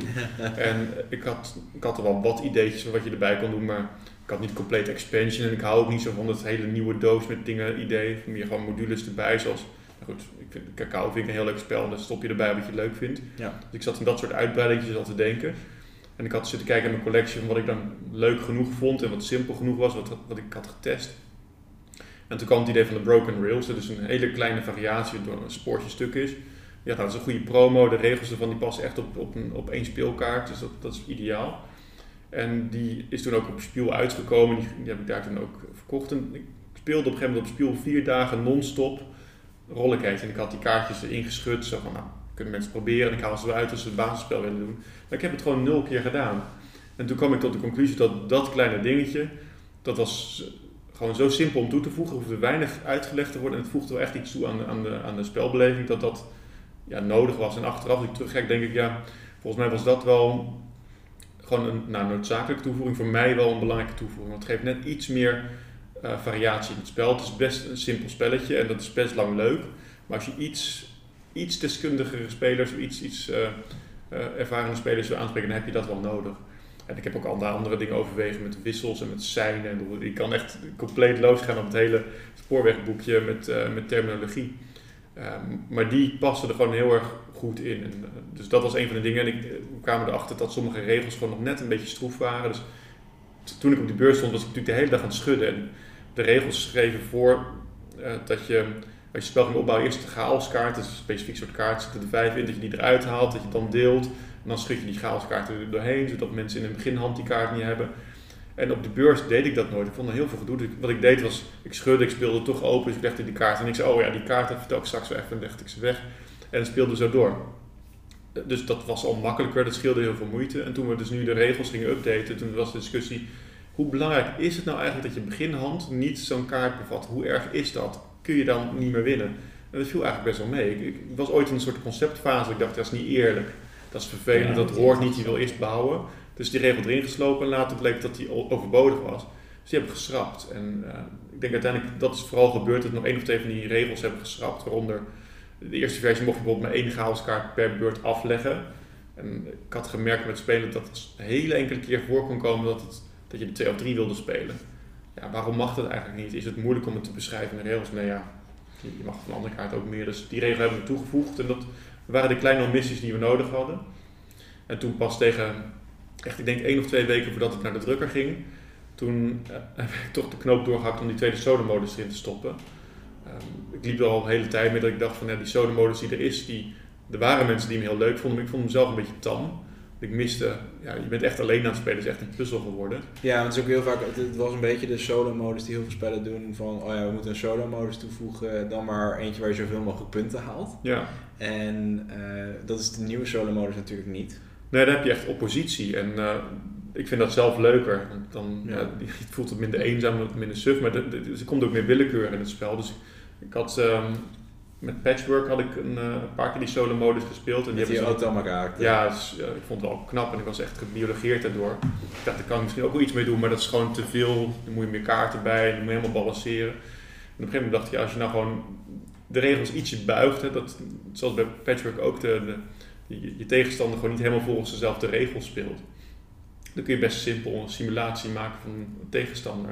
Ik had een paar keer getest en ik dacht, ja, dit moet er wel echt in, want ik vind het is gewoon veel leuker als je tegen iemand speelt dan eh, alleen maar in een puzzel. Dus dan heb ik het echt één of twee weken voordat we naar de, de drukker gingen er nog ingezet. En eh, ik ben wel blij dat dat gebeurd is, want ik vind het zelf veel leuker solo-modus. Ik bedoel, die anders ook leuk, maar daar moet je er echt van houden. Maar dan bedoel je dat eh, je fictieve tegenspeler dan toch tegen wat, wat voor hem dan gunstigere regels speelt? Of? Ja, nou ja, er- speelden twee dingen door mijn hoofd toen ik ermee bezig was. De ene is, eh, als ik ook voor mijn tegenstander moet spelen, dan wil ik niet te veel gedoe hebben. Want ehm, dan, nee, je hebt vast en zeker als een keer gewoon een spel wat voor meerdere spelers is in je eentje gedaan. En dan moet je dus al die handen steeds bekijken en Ja. erin verdiepen. Dus je wil niet heel veel eh, overhead hebben van die tegenstanders. Dus ik wilde de regels heel simpel hebben. En bij het versimpelen betekent ook dat, ja, dat die tegenstander misschien ehm, niet meer zo makkelijk kon winnen of zo. Wel bepaalt hoe die wint. En om die reden heb ik de regels veranderd. Dus het is niet dat hij meer kan of zo, sterker nog Mhm. minder. Eh, het idee is nu, de, de, de, je tegenstander trekt altijd gewoon een kaart. En die moet dat spelen. Waar ik een hand heb, heeft hij gewoon één kaart. En als, als of zij, is Betsy in dit spel. Uh, als, als, als zij, ja, die naam kwam als eerste in me op. Uh, als, als zij een kaart heeft die ze kan leggen, dan moet ze dat doen. Maar het is natuurlijk een beetje sneu, dus dus, eh, wat doen we daar dan mee? Dan als ze moet gaan dobbelen, is dat weer gedoe. En dan moet ik twee keer dobbelen, is ook weer veel frictie. Dus dat heb ik ook niet gedaan. Dan staat onze cijfer op die kaart, laten we gewoon maar dat aantal stapjes doen. En ehm, als hij dan spoort, ja, moet ze dan ook heel veel kaarten trekken. Ja, is ook weer veel gedoe, plus ook niet helemaal eerlijk. Dus volgens dat idee van ik wil niet te veel gedoe, niet te veel het spel verstoren, dat de balans wegraakt, heb ik steeds al die dingen geschrapt. Dus nou, dan pak ze altijd maar één kaart. Ja, maar hoe zit het dan met, eh, met punten en zo? Eh, gaat ze dan wel, gaan we optellen hoeveel punten ze heeft gehad? Dus ze heeft ook helemaal geen IQ om, eh, om iets met die punten te doen. Oké, we gaan gewoon, we gaan gewoon punten met kaarten tellen. En al testend met die hele simpele regels bleek dat je dan precies op een punt kwam dat het best lastig was om dat te verslaan, maar niet onmogelijk. En eh, Dat zie je ook bij, eh bij Al Capone. Dat is de, de, de twee-spelersversie van eh, Bonanza, is dat? Ja. Die was gespeeld? nee. Ja, maar dan, dan daar vecht je de... Geniaal Daar ben je dus... Ja. Je bent tegen elkaar, maar dus ook tegen de bonenmafia. Dus dan heb je ook twee kaartjes en dan in plaats van Betsy in jouw geval heb je dan dus eh, Al Capone en eh, Tony Bontana geloof ik. en, ja, ik, nou, ik ben voor de woordgrappen. Als ze niet Boni uh, Bontana moeten noemen dan. Ja, ik, ik weet het niet meer, maar je kunt zoveel grappen verzinnen. wel. Maar daar heb je ook eh, van, kijk, jij bent ook echt bezig met bonenpoten. En je moet natuurlijk ook nadenken van, van, van, van welke kaart heb je in je handen, wat ligt er. En je moet opbieden. Terwijl, ehm, ja, Al Capone in dit geval, die krijgt gewoon iedere beurt, krijgt die, eh, die bonen die op tafel liggen, waarvan hij er al één op een van zijn twee veldjes heeft liggen. En, en die blijft hij maar pakken als het ware automatisch. Of jij moet ze inleveren vanuit je hand, zoals dat weet je wel een goede mafioso betaamt. Mhm. En dan wordt gewoon, uiteindelijk wordt dat gewoon omgezet in munten altijd, wanneer zij hun eerste muntendoel bereiken. Ja. En eh, als ik dan een beetje de link moet leggen aan wat jij dus nu vertelde over eh, de Betsy-modus van jouw spel, is gewoon dat versimpelen dan heel Ja, belangrijk eigenlijk, is. eigenlijk spelen ze, een hele ander, ze spelen eigenlijk een heel ander spel dan jij. Maar het moet genoeg raakvlakken hebben met het spel wat jij speelt, zodat je niet vindt dat ze vals spelen. Eh, Maar het belangrijkste is, en dat is wat, wat het verschil is met die andere solo-modus, is dat er interactie is. Dus eh, in plaats van dat ik het hele tableau zit op tafel bepaal, is er ook iemand anders die willekeurige dingen verandert. En dat is belangrijker voor de beleving dan dat die volgens de regels speelde. Ik, ik weet niet, ehm, Civilization 1 is echt al lang geleden, het is een computerspel, maar niet of jullie het ooit gedaan hebben. ben Ook gebaseerd bekend op een bordspel toch oorspronkelijk juist. Ja, volgens mij wel. Ja, dat heb ik pas later ontdekt. Maar ik, ik was toen al een beetje zo'n zo'n computergeek en ik wilde graag weten hoe het allemaal werkte. En ik was benieuwd hoe die AI van dat spel werkt. Want je hebt natuurlijk best wel veel verschillende soorten tegenstanders. En toen ben ik me erin gaan verdiepen en toen kwam ik erachter dat, ze, dat de AI eigenlijk een beetje vals speelde. En dat er, er was een, ja, ze konden dingen die ik niet kon. Ze hadden andere regels en er waren soort parameters die instelden hoe agressief ze waren. En dat soort dingen waardoor je die verschillende persoonlijkheden kreeg. En ik Oh, vond dus het, daar komt dus ook eh, Gandhi vandaan die iedereen met kernwapens bestookt. Of, eh, Ja, er zat gewoon iets in zijn parameters waardoor die agressiever was of bepaalde units wel of niet geneigd was te gebruiken. Of, eh, die, die, die, had gewoon, die, die speelde eigenlijk een ander spel. En ik vond het wel inspirerend. Ik dacht, ja, waarom moet mijn virtuele tegenstander heel slim zijn als die ook gewoon mag vals spelen? Maar op zo'n manier dat het mij niet opvalt. En tot- uiteindelijk is vals spelen pas vervelend als je het ontdekt. En eh, zo kun je heel veel AI veel slimmer maken. Eh, ik dacht, ik wilde vroeger als kind altijd eh, bijvoorbeeld memory programmeren. Ik dacht, ja, maar hoe ga je nou slimme computer memory laten programmeren? Toen Die ik, weet toch al wat eronder zit in principe. Nee, nee, ik, ik kan natuurlijk best een programma zo maken dat hij dat ook niet weet en ook gaat raden. En wat is de winnende strategie? Moet ik dat allemaal gaan bedenken? Ik had er geen zin in, ik was ook te dom. Toen dacht ja, maar wat als hij nou gewoon ziet wat, er- wat er is en gewoon vaak fouten maakt? Dus in plaats van dat hij heel slim is, maak ik hem dus dommer dan, ehm, dan gewoon het ideale spel. En dat kun je natuurlijk ook doen. Bedoel, Dat is ook slim omdraaien. ja, dat, dat is veel makkelijker om te doen. En eh, dat is ook waar heel veel van die AI's in bordspellen in zekere zin op neerkomen. Dat je, dat je ze eh, een beetje voortrekt en dat je allerlei regels geeft waardoor ze eigenlijk heel makkelijk kunnen winnen. Ja. Eh, Waardoor je ze het laat lijken alsof ze tegenstand bieden, maar eigenlijk zijn ze meer een soort van ehm, timer of zo. Van langzaam zeker scoren zijn punten, maken ze voortgang. En als jij de tempo opvolgen kunt, dan, dan win je. En misschien dat soort willekeur veroorzaken. Maar ze hoeven helemaal geen echte tegenspeler te zijn. Bordspellen kunnen AI hebben zonder een computer. Nou, Nee, maar als je dat Ja. kijkt, Zo mooi. er zijn al heel veel woordspellen die natuurlijk een AI hebben zonder dat het zo'n specifieke solo-mode heeft. Ook als je bijvoorbeeld Pandemic speelt, eigenlijk speel je tegen de klok slash AI van het spel. Ja, Van de dekkaarten die wordt getrokken om de blokjes op, eh, op het bord te krijgen. Overigens, tip voor mensen, eh, je hoeft geen spellen te kopen waar specifieke solo-modus op zitten. Als je gewoon een coöperatief spel speelt, kun je hem ook altijd solo spelen, heb ik geleerd. Ik speel Pandemic. eh, Pandemic is een van de weinige spellen die ik regelmatig solo speel. Ja, de kleine versie. Je hebt de Hot Zone tegenwoordig. Zo'n kleine versie van Pandemic. Die kun je Oh, makkelijk in je eentje spelen. Oh, wel grappig. Ik doe real-life pandemic spelen sinds eh, maart. Sinds maart. Medic! Legacy seizoen 3. nou, ik hoop niet dat er een seizoen 3 laat staan en seizoen 2 komt. Weer een expansion. maar dat is want eh, eh, ja, dat kan natuurlijk niemand zien, maar hier ligt al een tijdje het spelletje Wildcards op tafel. En met dat spelletje hebben we, eh, daar was ik ook betrokken vrij vroeg bij de ontwikkeling, omdat de uitgever van dat spel sinds Rollergate eh, vriend van me is geworden, dus die liet me dat zien. Ja. Voor de achtergrond, eh, jij geeft hem eh, in het Nederlands uit. Ja, ja, hij heeft me gestrikt. Hij zei, eh, hij liet me dat zien en ik was best wel betrokken geraakt bij het ontwikkelen van het spel. En uiteindelijk dacht ik, ja, dan kan ik nou eigenlijk ook niet meer nee zeggen als hij me vraagt of ik dat dan ook wil uitgeven. Dus vooruit maar. Grappig voor de luisteraars trouwens dat Christian het spel, eh, het leek alsof hij het spel omhoog ging houden voor de camera. Maar dat, Oh nee, nee, nee, ik wilde de regels lezen. Ja, gewoon kijken wat op de achterkant Maar stond. we, we liepen daar dus op een interessant Ja. dilemma, want het, het was eigenlijk bedoeld als een 2 tot 5 spelerspel. En het is een beatspel, dus dat betekent dat, ja, dat de interactie tussen spelers best wel belangrijk is. Ja, En op een gegeven moment eh, had de auteur had regels bedacht voor met z'n tweeën, zodat het nog steeds wel goed zou moeten werken. En gingen we testen. En we kwamen tot de conclusie dat het mechanisme wat was bedacht om een soort van mini-AI in te bakken, dat het gewoon niet helemaal lekker werkte en dat het toch een te ander spel was. En toen hebben we een tijd zitten twijfelen, want ga je daar nou mee doen? Ga je dan die AI verder tunen of ga je gewoon zeggen, nee, sorry, het werkt gewoon niet voor met twee spelers. En op dat moment hebben we dat besloten te doen.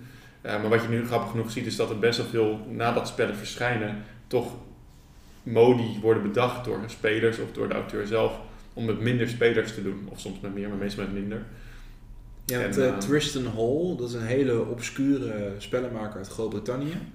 Um, die maakt bijvoorbeeld uh, historische uh, kaartspellen gebaseerd op bekende veldslagen, zoals de, de Battle of Hastings en de slag om, of de, het beleg van Malta. En die maakt een soort obscure fantasiespellen. Maar het is een hele niche spellenmaker. Ik ben zelf fan van hem, maar ik snap heel goed dat mensen zijn spellen niet leuk vinden. Maar in zijn historische spellen, volgens mij tijdens de ontwikkeling van het spel was het gewoon een tweespelerspel. Gewoon een soort van, een beetje geïnspireerd op Magic. Maar toen ook hadden mensen al heel snel fans. Eh, omdat je natuurlijk, als je in een soort obscure niche zit, dan is je fanbase vaak nog enthousiaster over je product dan, dan normaal. Ja, maar je werkt jezelf dan waarschijnlijk ook wel gauw in een hoekje, toch? Nee, maar ze hebben, wat ze dus hebben gedaan, is dat ze daar heel snel hebben een soort van... Uh, uh, aan een soort solo-modus voor het spel gewerkt. Nog tijdens de ontwikkeling van het spel, als het ware. Dat mensen ook kwamen van, kun je dan niet dit doen om een soort van solo-modus te implementeren? En dat is dan ook weer mooi om te zien. En ook op Board Game Geek, je kan bijna, je kan voor heel veel spellen kun je uh, bruikbare uh, solo-modi vinden. wat ook gewoon heel leuk is. Maar ook bijvoorbeeld inderdaad spellen die later met een solo-modus uitkomen. Zoals, ja. zoals bijvoorbeeld Root, die dan later met een solo-modus uitkomt, waarbij je tegen de computer waar je ook opeens een route in een coöperatief spel kon veranderen. Maar ook inderdaad spellen die eigenlijk niet per se geschikt zijn voor twee spelers spelen. Vaak staat er op de doos twee tot zes spelers, twee tot zeven spelers. Maar dan weet je al bijna na die twee speler variant. Uh, die is meestal niet zo heel leuk. Ook bijvoorbeeld de crew. Uh, nou, ik vind 99 Games voor de crew uh, bewust niet op de doos zegt dat die geschikt is voor twee spelers. Er zit wel een twee speler variant in het spel. Maar objectief gezien is die gewoon veel minder leuk dan met drie of meer.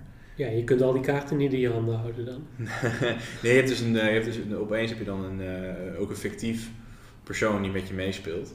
Uh, maar wat, heel veel spellen die dan opeens inderdaad alleen maar geschikt waren voor drie spelers, dan gaan inderdaad fans later nog bedenken van hoe kan ik ervoor zorgen dat het spel wel leuk is met twee.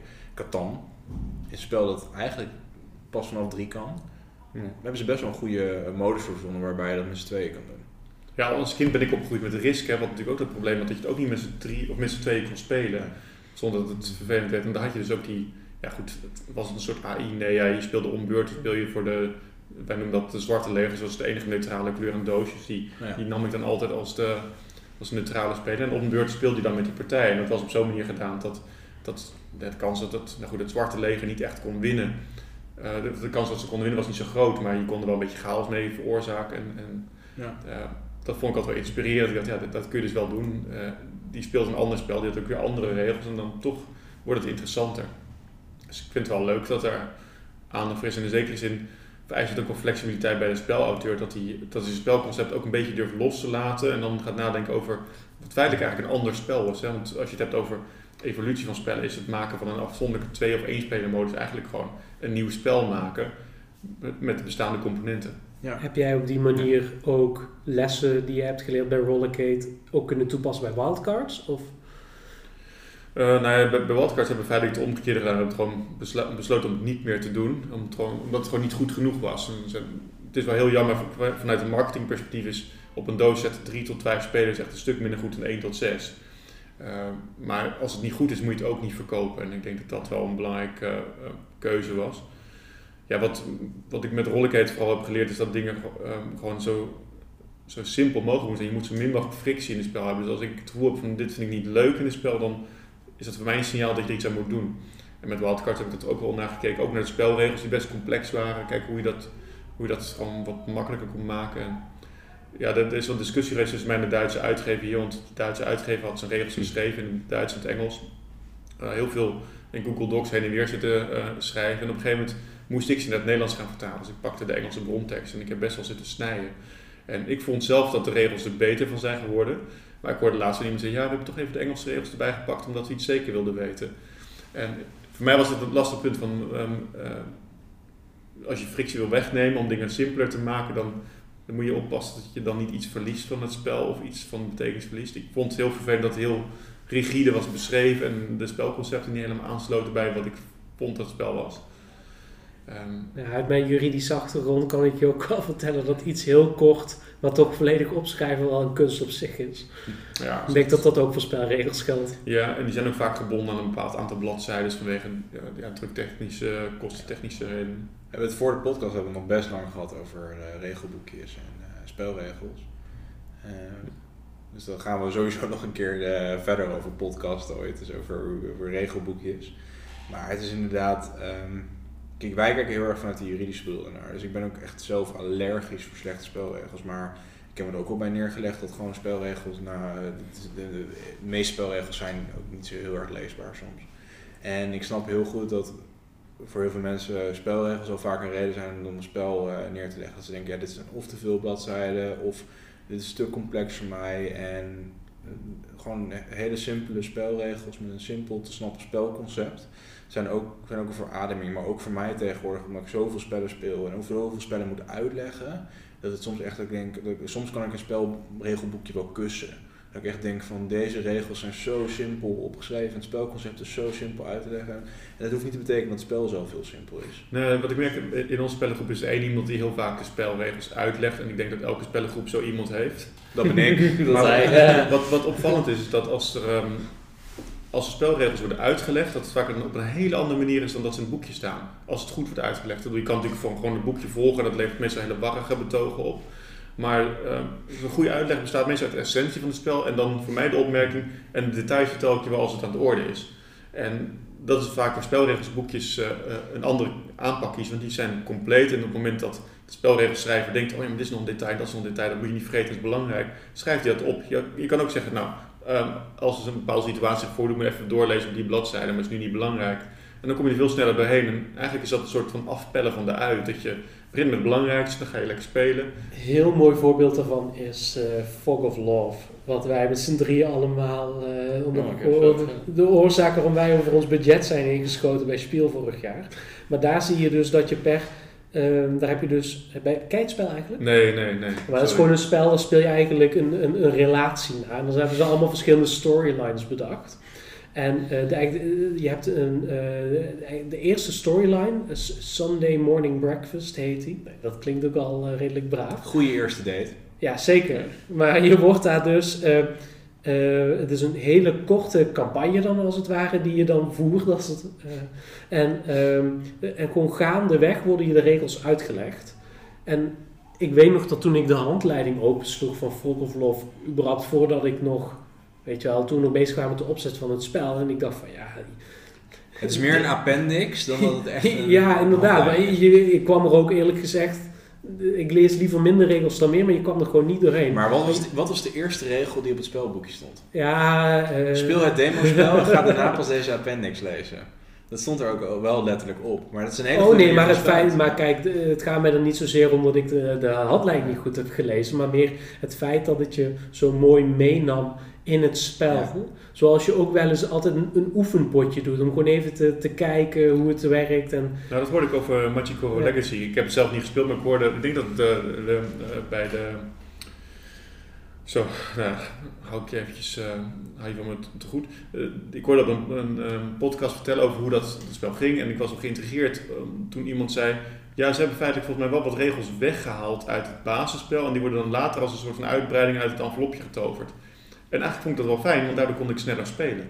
En ik denk Ja. dat, eh, dat gaat lopen die dingen een beetje in elkaar over. Die legacy speelmodus waarbij je regels introduceert, kun je gebruiken om het spel te verdiepen, als iemand het al kent. Maar je kunt het ook gebruiken om het spel te introduceren. Ja. En de crew doet dat denk ik ook mooi. Je Ja. hebt een heel snel potje en dan, dan kun je gelijk aan de slag. En dat is denk ik wel interessante les. Ik vind het zelf wel een tikkeltje irritant, want ik wil graag een soort van weten wat het spel allemaal is. En je moet een paar potjes spelen, wil je de echte ervaring hebben als die ooit bestaat. Maar nou ja, als ik, als ik dan terugval op, op Fog of Love, dan vond ik het juist wel weer prettig. Ook vooral omdat ik dat spel speelde met iemand die wat minder in de bordspellen zat dan ik. En dan zijn, weet je wel, eh, allemaal verschillende stapel kaartjes en fiches en allemaal kleine bordjes met, met, met andere gegevens. En die combinatie daarvan op een groot, aanvankelijk misschien voor de leek, complex uitziend bord, was dat juist bij uitstek een goede manier om iemand echt heel geleidelijk mee te nemen in een spel wat uiteindelijk best complex kan worden. Ja. En- wat vind je van die term demo-spel? Want dat klinkt voor mij een beetje alsof je nog niet echt een spelletje speelt. Nou, het voelde dus wel echt. Het voelde wel aan als een echt spel en, en niet als een, een soort oefenrondje. Of voor de nep, weet je wel. Ik vind het bij eh, Root, die heeft dat wel gedaan in een soort van vorm van een oefenrondje. Dan wordt er in een boekje wordt er uitgeschreven welke, ehm, welke stappen spelers echt moeten zetten. Daar kun je ook van alles van vinden. Wij hebben het uiteindelijk een beetje aan de kant geschoven, omdat we het wel door hadden. Ik vond in, toen, toen wij Root speelden, vond ik het inderdaad wel prettig. Ja. Dat mij een beetje aan de hand werd genomen van hoe ik eh, met die kat eh, het bos moest platbranden. Maar eh, wat je net zei, na, na twee of drie rondes, dan Ja. wil je toch wel echt je eigen, eigen pad gaan. En Maar daarom heeft het ook de, vaak is ook gewoon al voorbeelden geven van hoe een, hoe een spelronde werkt in een regelboekje al heel waardevol. Ja. Maar om terug te komen, we- begonnen hiermee dankzij eh, wildcards. Die, die ligt hier op tafel, die, eh, die geef je dus uit. Maar er het ligt gesprek is een ander spoor ingeslagen. Ik ga graag Dat van het dwaalspoor is. Ja. ja. Maar eh, wildcards ligt hier, maar er ligt ook eh Q-Birds van dezelfde illustrator. Maar die komt ook binnenkort in het Nederlands uit. Die ga jij ook uitgeven. Ja, ja, dit is sowieso een beetje een raar verhaal. Want Qbirds kende ik al wel een tijdje. Het is allemaal begonnen met Rollercade. En toen kwam vrij vroeg in de Kickstarter-campagne een Duitse eh, kleine uitgever naar me toe. En zei, oh, wat leuk spel, kan ik je helpen? Gewoon niet met bijbedoeling, gewoon alleen maar dat. En we leerden elkaar beter kennen. En uiteindelijk eh, wilde hij misschien Rollercade doen. In ieder geval, ik kwam hem op Spiel tegen en daar had hij Qbirds. ehm en dat was een mega succes. Ik had het al eens een keer voorbij zien komen op Board Game Geek. Mhm. En ik was vooral gebiologeerd door die beetje Minecraft-achtige illustratie op de voorkant. De blokkerige vogel. Ja, ik De- wil de net zeggen, shout-out naar de illustrator. Ik vind het echt leuk uitzien, net dat cubistische... Ja, eh, dus, eh, en ik zag Grappig. Christian de Nederlander stond op die doos. Ik dacht, Oh, wat grappig, is een Nederlandse illustrator. Eh, Oh, ik dacht dat dat de koningsnaam was van Christian. ja, ook. is ook. Precies, toevallig hetzelfde. Eh, dus ik, ik dacht, ga even vragen eh, waar ik hem in het Nederlands kan krijgen. En niemand had hem in het Nederlands. Dus ik snapte er niks van. Dus ik, ik had al contact toen met eh eh, BlackRock Games, die dan de, de makelaar is voor dat spel. En eh, die zei, ja, als je wil kun je het uitgeven. En ik dacht, oh, dat is grappig. Dus ik vroeg, wat kost het dan? Toen vertelde ze het kost. Toen dacht ik, jezus, dat is wel heel veel. Ehm, laat maar. Dus ik heb het de hele tijd laten pruttelen. Maar het, heeft echt een jaar lang liggen pruttelen totdat ik toevallig van eh, de, de, de uitgever, de Duitse uitgever hoorde dat hij wildcards ging maken. En dat hij dat ook had gedaan met Christian de Nederlander. Ik dacht, oh, dat is grappig. Eh, ik vond het tekenstijl heel leuk. En ik dacht, ik ga toch eens contact zoeken met die jongen. En eh, ik had contact met hem gezocht. En gaandeweg kwam het plannetje zo van, nou, als we dan twee spellen hebben van dezelfde illustrator en hij vindt het leuk. Misschien moet het gewoon, gewoon gaan proberen. Gewoon uitgeven. In het Nederlands waarom ook niet.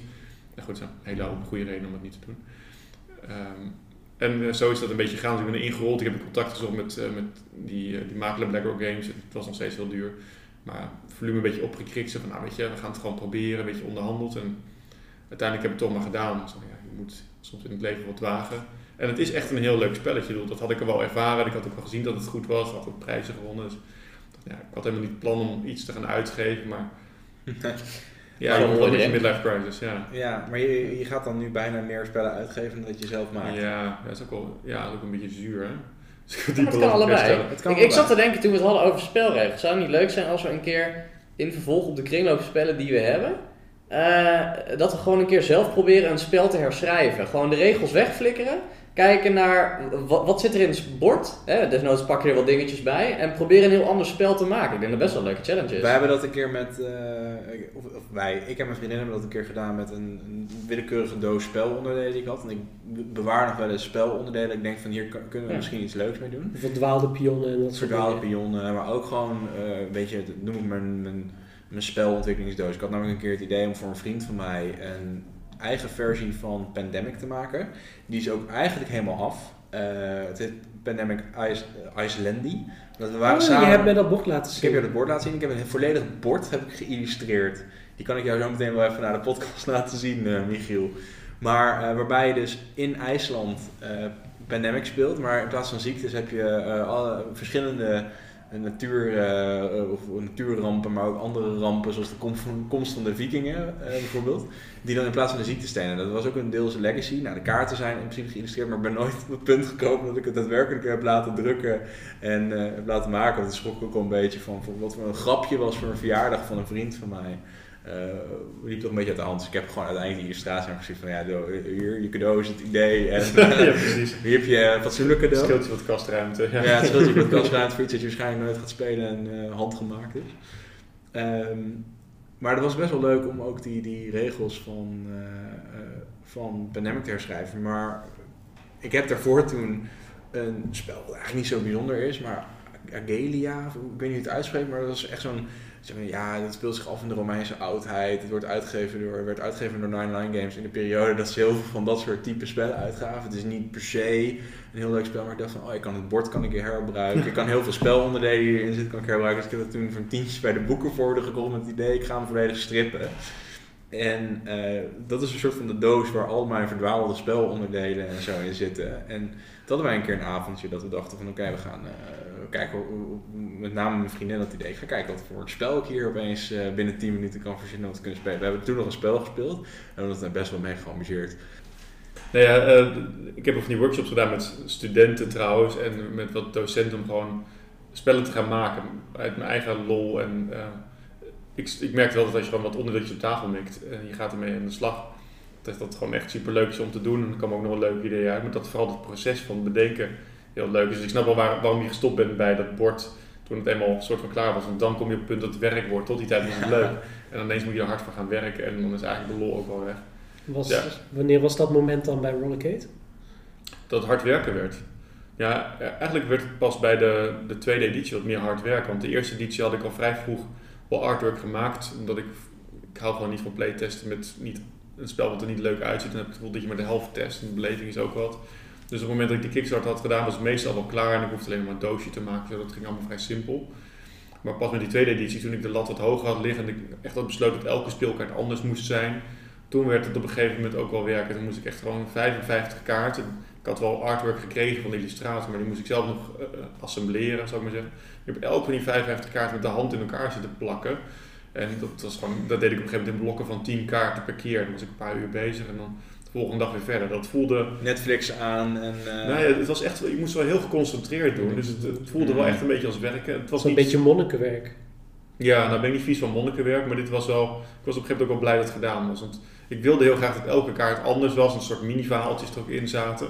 En dat betekent dat de eerste tien is makkelijk, dan heb je allemaal wilde ideeën. En daarna moet je dus zien vol te houden. En tot 55 kaart van die mini-verhaaltjes. En zonder dat het een soort copy-paste gedrag wordt. Ik wilde ook niet te veel eh, laten versloffen. Ik dacht, ja, dan ga ik nu gewoon een beetje hetzelfde als de vorige kaart. Zet een koe ergens anders neer, ik- dan is de kaart klaar. Dus daar werd het wel monnikwerk. En ik denk wel die categorie, want je kunt niet helemaal automatisch piloot doen. Je moet er wel bij na blijven denken. Dus daar werd het wel werken, denk ik. Maar wat was, de, wat is uiteindelijk het verhaal van de, van de illustraties dan geworden? Ja, dat is heel verschillend. Als je eh, naar de, goed, dan heb je geen open doosje, maar als je naar de kaartjes kijkt, dan sommige daar zitten al mini-verhaaltjes. Bedoel, binnen de grenzen van wat je oh, meer op die manier. Ik dacht dat je Maar misschien gewoon ook een- voor groter geel een verhaal. Oh nee, nee, nee, nee, nee, daar ben ik lang niet slim genoeg voor. Maar gewoon op een kaartje dat gewoon een paar schapen op een rare manier naar elkaar kijken. Of dat er een vlindertje ergens om een hoofd heen danst of zo. Dat soort Nou ja. dingen. Er moest wel iets gebeuren, er moest wel ergens op slaan, vond ik. En ik had wat artwork gekregen voor vijf kaarten. En ik had in lagen, dus ik kon die dingen wel een beetje van elkaar scheiden. Maar ja, er kon lang niet alles mee. Dus ik moest wel echt heel creatief knippen en plakken om het allemaal toch zo, zo divers mogelijk te maken. Ja. Dat is wel leuk, maar het voelde wel als werk. En tegelijkertijd dacht ik, als dit werk was geweest, zou iemand me voor had moeten betalen, had niemand het gedaan. Want ik heb daar denk ik zeker 20 uur of zo in gestopt om die kaarten allemaal uniek te maken. Nou, als je mijn courante IT-tarief tegenzet, dan had het spel echt daar wel gestrand. Ja. Dus eh, En voelt, Ja. en, en voelt het, kijk, het ontwikkelen van een spel voelt dan een beetje, of het verder ontwikkelen van een spel voelt dan een beetje aan als werken, maar aan het uitgeven van een spel. eh, Ja, ik, ik weet eerlijk gezegd niet wat ik doe. Nee, ik heb geen idee. Uitgeven is ook een groot woord. Ik heb, ik heb de rekening betaald om het te maken. Ik heb alles vertaald en zo. En op een gegeven moment zegt iemand, oh, er staat hier eh, twee pallets met spello, wat wil je ermee? En op dat punt zit ik nu een beetje. ja. En gelukkig moet ik wel zeggen, ik heb natuurlijk vrij vroeg met Rollicate contact gekregen met Hot Games. Tenminste, jij noemt ze HOT Games, maar ik denk dat dat Ja. echt ik vind Hot wat sexier klinken. Ehm, Very hot. en eh, op een gegeven moment eh, lag daar dus een paar pallets met, met rollercade. En toen eh, kwam Wildcards ook vrij snel daarna. En toen vroeg ik, mag die, wil, wil jullie die ophalen? Ze hadden wel wat meer nog staan in Duitsland, dus ik kon dan mee met het transport. En toen stond het ineens in hun magazijn. Distribueren zij het ook? Of, uh... Ja, dus uiteindelijk hebben ze getest en uh, ze hadden Qbirds ook al eens gezien. Ik had al gevraagd van, joh, willen jullie dat misschien distribueren? Hadden ze wel gezegd van, nou, dat wil ik ook wel doen. En toen kwam Wildcards ook nog. Dat vind ik wel leuk, leuk genoeg. Dus die, die hebben nu uh, eigenlijk een deel van het distribueren op zich genomen, waardoor ik feitelijk alleen de rekening heb betaald. En ja, mijn marges zijn dus ook al je werkt met name het risico geweest. Ik heb het risico, ja precies. Dus ik weet nog niet, ik, het komt ook door de coronatijd. Normaal gesproken zouden spellen, uitgevers zouden gewoon alle winkels langs gaan en contacten leggen. Maar dat is nu niet echt helemaal logisch. Dus het is niet echt op te wachten. En ook met name de jongens van, van Hot, ja. is dat met name hun manier. Ik, ik zie namelijk Wido nog voor me dat hij uh, bij, Ar bij uh, toen nog Arnhem speelt. Misschien zelfs nog Vendetta Games, wat nu dan allemaal onder de paraplu spelkwartier valt. Dat hij daar met zijn koffertjes, als zo'n echte traveling salesman langskwam. en dat, dat hij met zijn snelle babbel het koffertje opent. Ja, Kijk, ik heb nu deze puzzel en dit spel. En, ja, maar dat, je hebt deze milkshake machine nodig. Ja, ja maar dat, dat, Wido is echt fantastisch. Ik vind hem op het begin gewoon heel aardig, maar ja, is geweldig hij weet je ook gewoon echt enthousiast te krijgen voor het spel. Omdat hij erin gelooft. Ik geloof ook, ik weet dat hij geen spellen aanprijst die hij niet zelf leuk vindt. Maar hij heeft gewoon een hele prettige, smeuïge manier van to the point te vertellen waar een spel op slaat. Het is een hele goede verkoper. Ja, maar hij is ook vooral een goede verkoper omdat hij niet iets verkoopt wat rotzooi is. Dus het is een goede verkoper van goede spullen. En uh, dat, dat maakt hem waarschijnlijk ook een goede verkoper. Maar hij kent gewoon al die mensen in de winkels. En in deze coronatijd, waar er maar beperkte mensen de winkel in mogen, uh, vinden ze het prima met hem een praatje te maken. En ze weten ook dat, dat hij met rotzooi komt, dus het is to the point. Maar als ik daarheen ga, ik heb het hier in Nijmegen een paar keer geprobeerd met onze lokale spellenwinkel. En uh, daar kom je niet heel veel verder dan de voordeur. En dan word ik eigenlijk wel voor mijn gevoel weer een beetje weggekeken. Nou is dit misschien niet de makkelijkste spellenwinkel om te beginnen. Um, maar ja, die, als er niet een staande relatie is, is het in deze tijd ook wel lastig om die, om die te beginnen te krijgen. En je hebt natuurlijk ook geen beurs en zo. Dus uh, nou, ik, ik, vond het ook wel prima. Dat, uh, het begon een beetje als een probeersel en wie weet wat er gebeurt. Ik vind het ook wel weer heel leuk. En ik, ik geloof ook heel erg in het idee van, van bijzondere spellen of spellen met een verhaal. En Wildcards ja. nu in de winkel. Ja, uh, en wanneer ligt Qbirds in de winkel? Ja, hopelijk deze week, want uh, het is letterlijk gisteravond om 9 uur. Ik heb het echt gewoon met, met F5 op de, in de browser heb ik het de haven in zien gaan, dat bootje. Uh, is het dus nu aangekomen, dus het ligt daar, het wordt nu ingeklaard en dat duurt een paar dagen, dan gaat het naar Hot Games. En ja. vanaf donderdag hoop ik dat het wel echt in de winkel ligt. We nemen dit overigens op vrijdag 20 november ah. bij Startup in Nijmegen op een gepaste afstand nemen we dit op. Maar dan weten mensen een beetje van, van welke periode we ja, spreken. Ja, ja, dus waarschijnlijk op het moment van uitzenden is het dan wel. In dan waarschijnlijk ligt hij dan in de winkel. Ja, dan moet je gewoon snel editen, Daniel. Ja, ik, dan meestal, meestal is het een paar dagen nadat we hebben opgenomen, komt hij erop. Ja, gooi ik er wat deuntjes onder. En, met monteren ga je als een sneltrein. Oh. je houdt wel echt dapper vol. Ja. ja. ja. Dan ben je een beetje een diesel ben je. Gewoon, als je helemaal rolt, dan rol je en dan stop je niet. Die stop je niet meer, nee. Ik word straks als die metro en uh, was ik, ik heb medelijden met de luisteraars. ja, ik niet. Ik, ik vind het tot nu toe een, uh, nou, ik vind het een, een leuk uh, gesprek. Dus ook veel inzage in, ik, nou, tot nu toe wel in de ontwikkeling in ieder geval van jouw spel. Um, Wildcards, Qbirds. Ik weet dat jij binnenkort met een uh, leuk solo spelletje uitkomt. Oh, we ja. hebben namelijk ook over solo uh, spellen gesproken. Ja, ja, weet je, de, de redenering was op een gegeven moment, tenminste die, die, die Duitse uitgever die vertelde mij, stuurde me bericht, zei ik heb nog nooit, bin, nog nooit zo snel binnen 24 uur een spel gekocht. En hij, hij komt uit vertalen, naast hij wat gaan uitgeven, voor andermans titels. Dus ik was wel geïntrigeerd en ik zei, welk spel? Ja, Orchard. Dus, um, een Kickstarter die ik heb gesteund en waar ik nog steeds heel, heel erg achter sta. Ja, het is, het is echt al een knap spelletje, kan niet anders zeggen. Door negen kaarten voor een spelletje, dat is best wel een uitdaging en het werkt. Uh, en ik was ge geïntegreerd door het verhaal, dus ik ben er toch achteraan gegaan. Ik had even contact gezocht met die uitgevers en ik wilde wel eens horen. En toen kwam ik dus, toen, toen, ontdekte ik waarom het snel gegaan was. Er zit een, uh, um, een agent achter die echt een hele vlotte babbel heeft. En die had binnen de kortste keer mij ook wel een soort van omgepraat wel een beetje meer gewoon echt erin gepraat dan overtuigd misschien. Maar ik dacht, ja, het is wel, het is wel het is een leuk spel, het is een één-spelerspel. En ik had wel het gevoel, ik heb nu, nu twee spelletjes, is dat genoeg als ik langs de winkel wil? Die willen waarschijnlijk wel iets meer zien. Dus ik, op dat punt was ik, zat ik al te diep in, uh, in het konijnenhol om terug te gaan. dus ik stappen. Nou, één spel, één spel erbij en dan is het in ieder geval, dan overtuig ik een klein beetje als een uitgever. Ik, ik, ik vind Orchard echt een, echt een heel leuk spel. Eh, inderdaad een spel wat je speelt met 9 kaarten, maar er zitten 18 kaarten in en je bent een uh, boomgaard aan het maken. Uh, zoveel, het is een puzzelspelletje, zoveel mogelijk punten halen. Uh, mijn schoonmoeder vindt het een geweldig Ja? spel, dus we hebben, het- we hebben hem, uh, we hebben, ik heb er twee thuis liggen, want dan kun je er namelijk ook met z'n tweeën spelen. Ja, dat is echt superleuk. Dat is heel onverwacht. Dat Ik heb dat echt heel leuk. pas op Spiel voor het eerst gedaan, want Ja. wie, wie tref je nou nog? Plus je moet dan voor elke speler wel één spelletje hebben. Ja. Het is vreselijk goed Maar je kunt dus net als met een stok kaarten gewoon, gewoon twee er doorheen gooien. En... Nee, nee, nee. eh, elke speler heeft zijn eigen stapel. Alleen één speler die speelt dan de kaart en die noemt het nummer op van de kaarten die in de hand zijn. Dan moet die andere speler die erbij pakken. Dus je bent allebei met dezelfde kaart aan het puzzelen. Dus dan is het heel erg interessant te zien wie de meeste punten krijgt.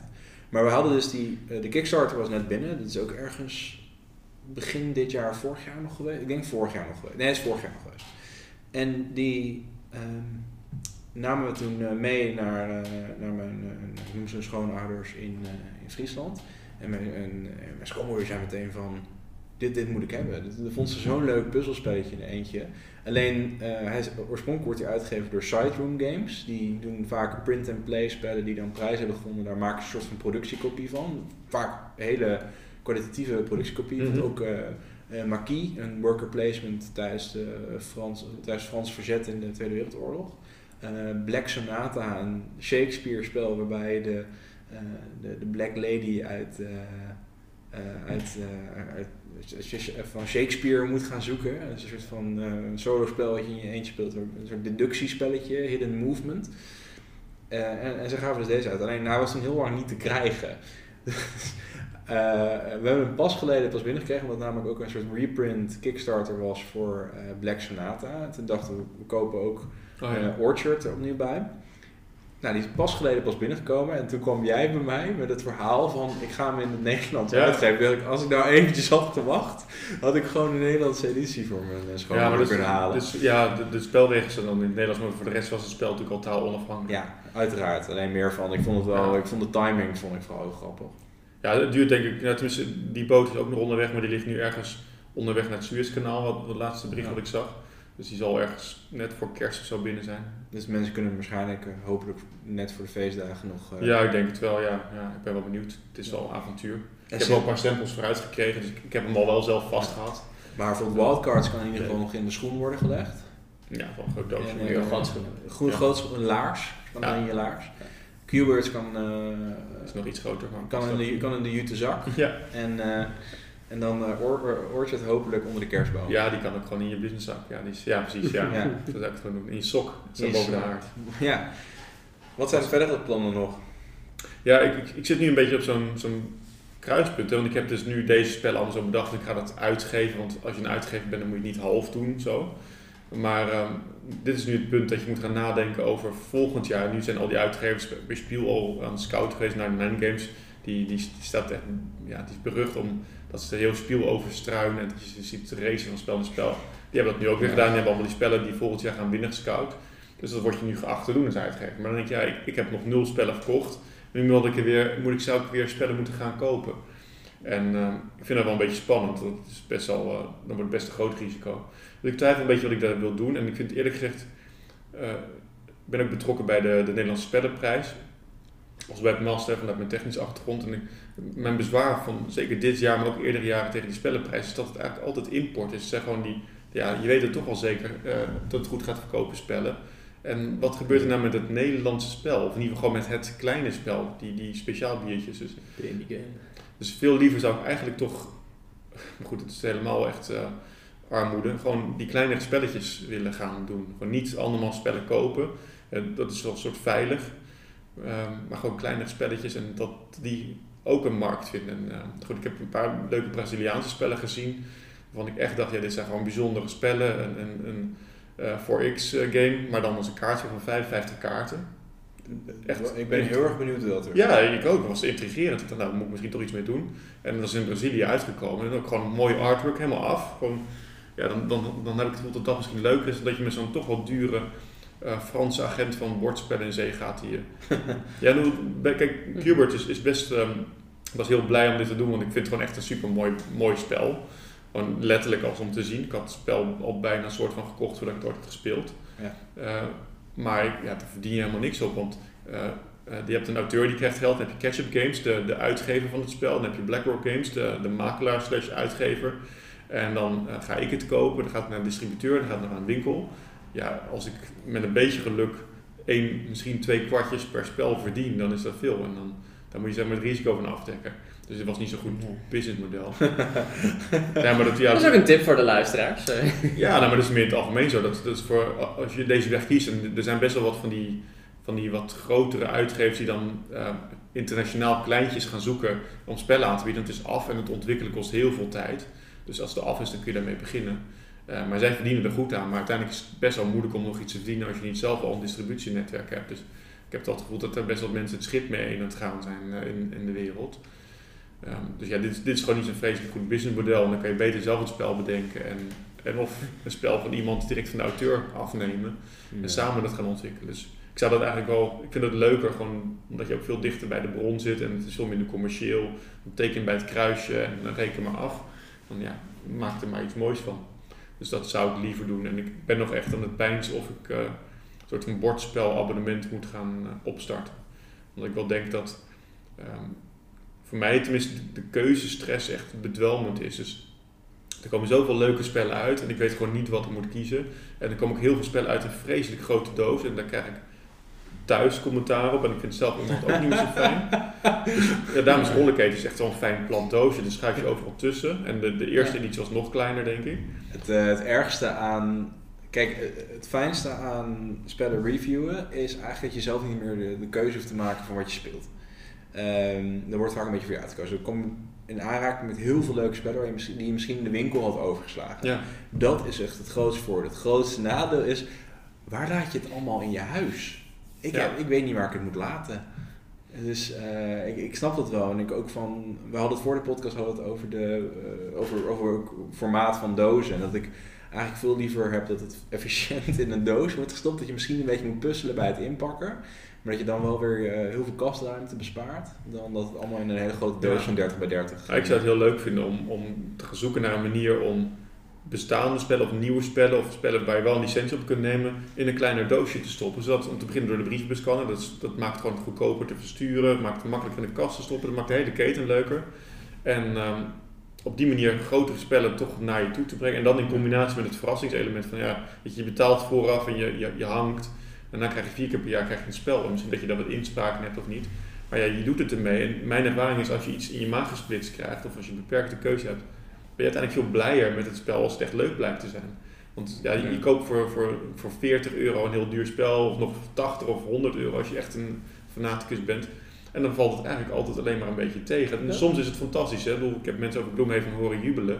Maar heel veel van die spellen die heel veel geld kosten, die vallen tegen. Want je hebt heel erg veel gezocht. Je hebt best wel veel geld uitgegeven. En dan zijn de verwachtingen zo hoog gespannen, dan kan het eigenlijk niks meer, meer worden dan. Maar over wat je net zei, daar is ook onderzoek naar gedaan. Hè? Dat eh, het, als mensen te veel keus krijgen, dat ze dan uiteindelijk ook minder gelukkig zijn. Omdat ze altijd, ze zijn of teleurgesteld in een keuze, of ze gaan de hele tijd denken van, nou ja, wat als ik iets anders had gekozen. Ja, er zit een soort van threshold ergens bij drie. Als je drie opties overweegt, dat is genoeg. En dan heb je wel de, de, de illusie of de, het idee dat je reëel, reëel onderzoek hebt gedaan. Maar als je verder dan dat gaat, drie opties overwegen, dan kom je alleen nog maar in teleurstelling terecht. Dus ik, ik beperk mezelf bijna altijd nog maar tot drie opties als ik iets uitzoek. Ik ga niet meer door met reviews zoeken, want het, het levert niks meer op. Maar ik, eh, ik, ik hoor al een paar goede ideeën. Netflix voor bordspellen.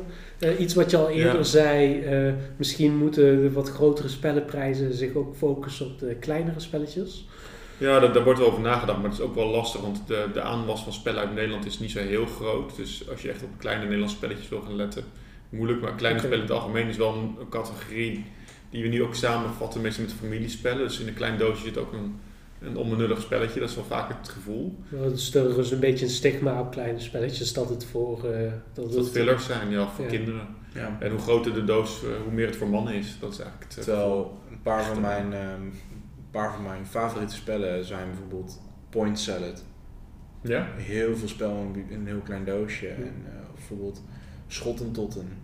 Ook een Love letter. love letter. ja, dat is echt nog kleiner doosje. Ja. Dat, past in mini blikjes. Ja, maar dat, dat is zo'n spel, dat, dat, dat neem ik standaard mee op vakantie. En ja, dat is niet, niet echt, eh, echt een gamers game, eh, althans als je er naar kijkt. Terwijl ik het toch wel een, een verrassend tof spel vind. Maar ik denk dat dat is ook wel een soort van eh, dichotomie in spellen. Dat je, je hebt spellen die leuk worden door met wie je het doet. Je hebt spellen die, die, die leuk zijn ongeacht met wie je het doet. Sterker nog, dat, dat je eigenlijk geen contact hebt met andere mensen aan tafel. Dus eh, dat zijn die, die hele grote Eurogames waar je eigenlijk toch al een beetje... Je had ook tegen de computer kunnen spelen, zeg maar. Dan was het niet een andere beleving geweest. Dat je misschien minder lang hoeven wachten. Ehm, en ik denk in die categorie van die spellen die leuker worden als je het met leuke mensen doet, zitten al die kleine spelletjes. Ik bedoel, Love Letters is waarschijnlijk niet een spel wat even leuk is als je dat tegen de computer doet. Het is al leuk als er een beetje gewoon speurige Ja, mensen kijk, als- je het tegen de computer doet, dan is het letterlijk alleen van ja, wie, wie heeft het hoogste cijfer in zijn handen. Ja. Het, is dan, het bluffen is leuk. Ja. Maar dat, daar zit wel voor mij een gezelschapsspel. Het is een spel dat je speelt met en om het gezelschap. Het is iets wat je doet om een leuke avond te hebben. En, en heel veel van die hele zware Eurogames, die, eh, die ik ook fascinerend vind hoor, maar die, ja, die speel je ook wel eigenlijk gewoon om een soort puzzel op te lossen in je hoofd. Ja, dat is leuk. En, ook legitiem, maar dat is voor mij geen gezelschapsspel meer. Met een Ja. uitzondering daar gelaten. Maar het, het lijkt mij, eh, om terug te komen op dan de abonnementservice eh, specifiek, mij lijkt het heel erg leuk. Mensen kunnen het overigens laten weten, dus stuur eh, mailtjes eh, of stuur een berichtje op Instagram. gebruiken, ja. Ja, en laat vooral weten of, of het idee van zo'n abonnementservice waarbij je een klein spelletje opgestuurd krijgt eens in de zoveel tijd. Eh, nou ja, dat idee moet nog verder ontwikkeld worden. Nou, ik zit ook maar af te vragen in hoeverre ik dat wil democratiseren of wat opener maken. Want ik geloof niet zo heel erg in al die... Ja, ik- misschien ben ik daar te links Want hebben mensen ook weer te keuze, veel te keuzestress. Nee, je, je moet gewoon niet knopen doorrakken. Ja, de knoopdorp is vind ik prima, maar ik, vraag me af of het dan nou echt zo'n corporate ding moet zijn of toch iets wat, wat, eh, wat meer... Ehm, passie. ja, goed, uiteindelijk, eh, de, de schoorsteen rookt niet van passie, dus dat is wel een nadeel. Ehm, maar ik, ik zou het gewoon fijn vinden als het gedragen werd in plaats van opgedragen. Ja. En ehm, daar ben ik nog een beetje aan het puzzelen of ik toch iets via een, eh, eh, bijvoorbeeld de Kickstarter, Patreon-achtige omgeving wil doen. En er is nu toevallig, het heet Petje Af geloof ik, is een Nederlandse variant van Patreon, die ook Ideal ondersteunen en zo. En die gaan ook eh, binnenkort uitrollen dat ze ook een Engelse user interface hebben. Dus ik zit te denken of het misschien leuker is om via zo'n Petje Af platform, wat echt heel Nederlands geschikt is, ook toegankelijk is voor mensen die niet een creditcard hebben, om het daar te doen en toch echt meer in- te steken als iets wat je samen doet dan alleen maar iets wat uit de hoge hoed komt. Ja. Omdat ik daar meer in geloof. Het is gewoon En- leuker. En, en zou je hem qua abonnementservice niet zeg maar zo kunnen insteken dat het een soort van doorgeefsysteem is? Dus dat je zeg maar een bedrag X betaalt en daarvoor zeg maar zes keer een spelletje ontvangt. Maar elke keer dat je het spelletje krijgt, je hebt hem een week, je speelt hem, je pakt hem weer in en je stuurt hem weer door naar de volgende of terug naar de Een soort lees, leesmap. Ja, Ja, een soort leesmap voor je spellen. naar de jaren 90 voor de mensen die... eh, Nee, Ja. ik, heb, ik heb dat vaker met mensen besproken. En de reden dat Dat ik elke keer zei van, dat, gaan, dat gaat hem denk ik niet worden, is toch tweeledig. Eén is gewoon nu zeker het hygiëneaspect van spellen Ja. worden vies als je ze speelt en Ja. willen andere mensen andermans veiligheid. En het tweede is, eh, dat zie je ook met spelotheek en andere diensten die wel spellen al uitlenen. Je hebt iemand nodig die alle onderdeeltjes gaat tellen en gaat checken of het spel compleet Het is. super het analoog in tegenstelling tot, Ja. tot de Netflix bijvoorbeeld. Ja, het is, het is gewoon te het kostbaar. nadeel, Je- ja. Gewoon de, de hele cyclus ondersteunen. Een leesmap kun je door, doorsturen zonder te kijken. De meeste mensen scheuren geen bladzijden uit. De meeste mensen zijn ook zuinig met een spel, hoor. misschien ben ik te pessimistisch. Maar ergens heb je het gevoel dat je het moet controleren of dat daar een hoop mis kan gaan. Eh, of dat het gewoon kapot gaat. Ik denk wel, ik zou het oprecht heel leuk vinden als het kon. Maar ik Ja, denk dat voor veel mensen wel op zich inderdaad een beetje een de risico misschien zeg maar afdekt in de zin van dat je niet denkt van oh shit, dan moet ik 40, 50 euro voor een spel uitgeven en wat als ik het niet leuk vind. Dat je inderdaad dan denkt, nou oké, dan geef ik 40, 50 euro uit en dan heb ik geen enkel spel wat echt voor mij is, maar ik krijg meerdere per jaar, dat is eigenlijk nog best wel veel. Alleen daarna moet ik het terugsturen en stel dat ik einde denk van, ah deze was echt super leuk, dan koop ik hem wel. Dan weet je niet of je een leuk spel hebt. Dan heb je het oude model van Netflix waarbij ze dvd's opstuurden. Ja. Ja. Ja, nou, ik geloof wel echt in het idee, maar je moet een manier vinden om het logistiek voor elkaar te krijgen. Dat is het lastige. En dat is voor mij een beetje de puzzel, want het, lijkt me heel leuk. Ik vind eerlijk gezegd Ja. nieuwe spellen proberen leuker dan ze heel lang hebben en mijn kasten mee volzetten. Eh, dus ja, Ja. eh, geef mij maar zes spellen per jaar die ik mag proberen en weer mag terugsturen. Geen kastruimte-issues. En ik kom wel toch aan mijn fix van nieuwe spellen spelen. En daarna iemand anders ook weer, want ik vind de verspilling van zo'n spel in je kast hebben. Dat iedereen hetzelfde spel heeft. En, en iedereen heeft ook dezelfde auto en iedereen heeft dezelfde klopboormachine. En iedereen heeft allemaal die spullen die ze, die ze amper in hun leven versleten krijgen.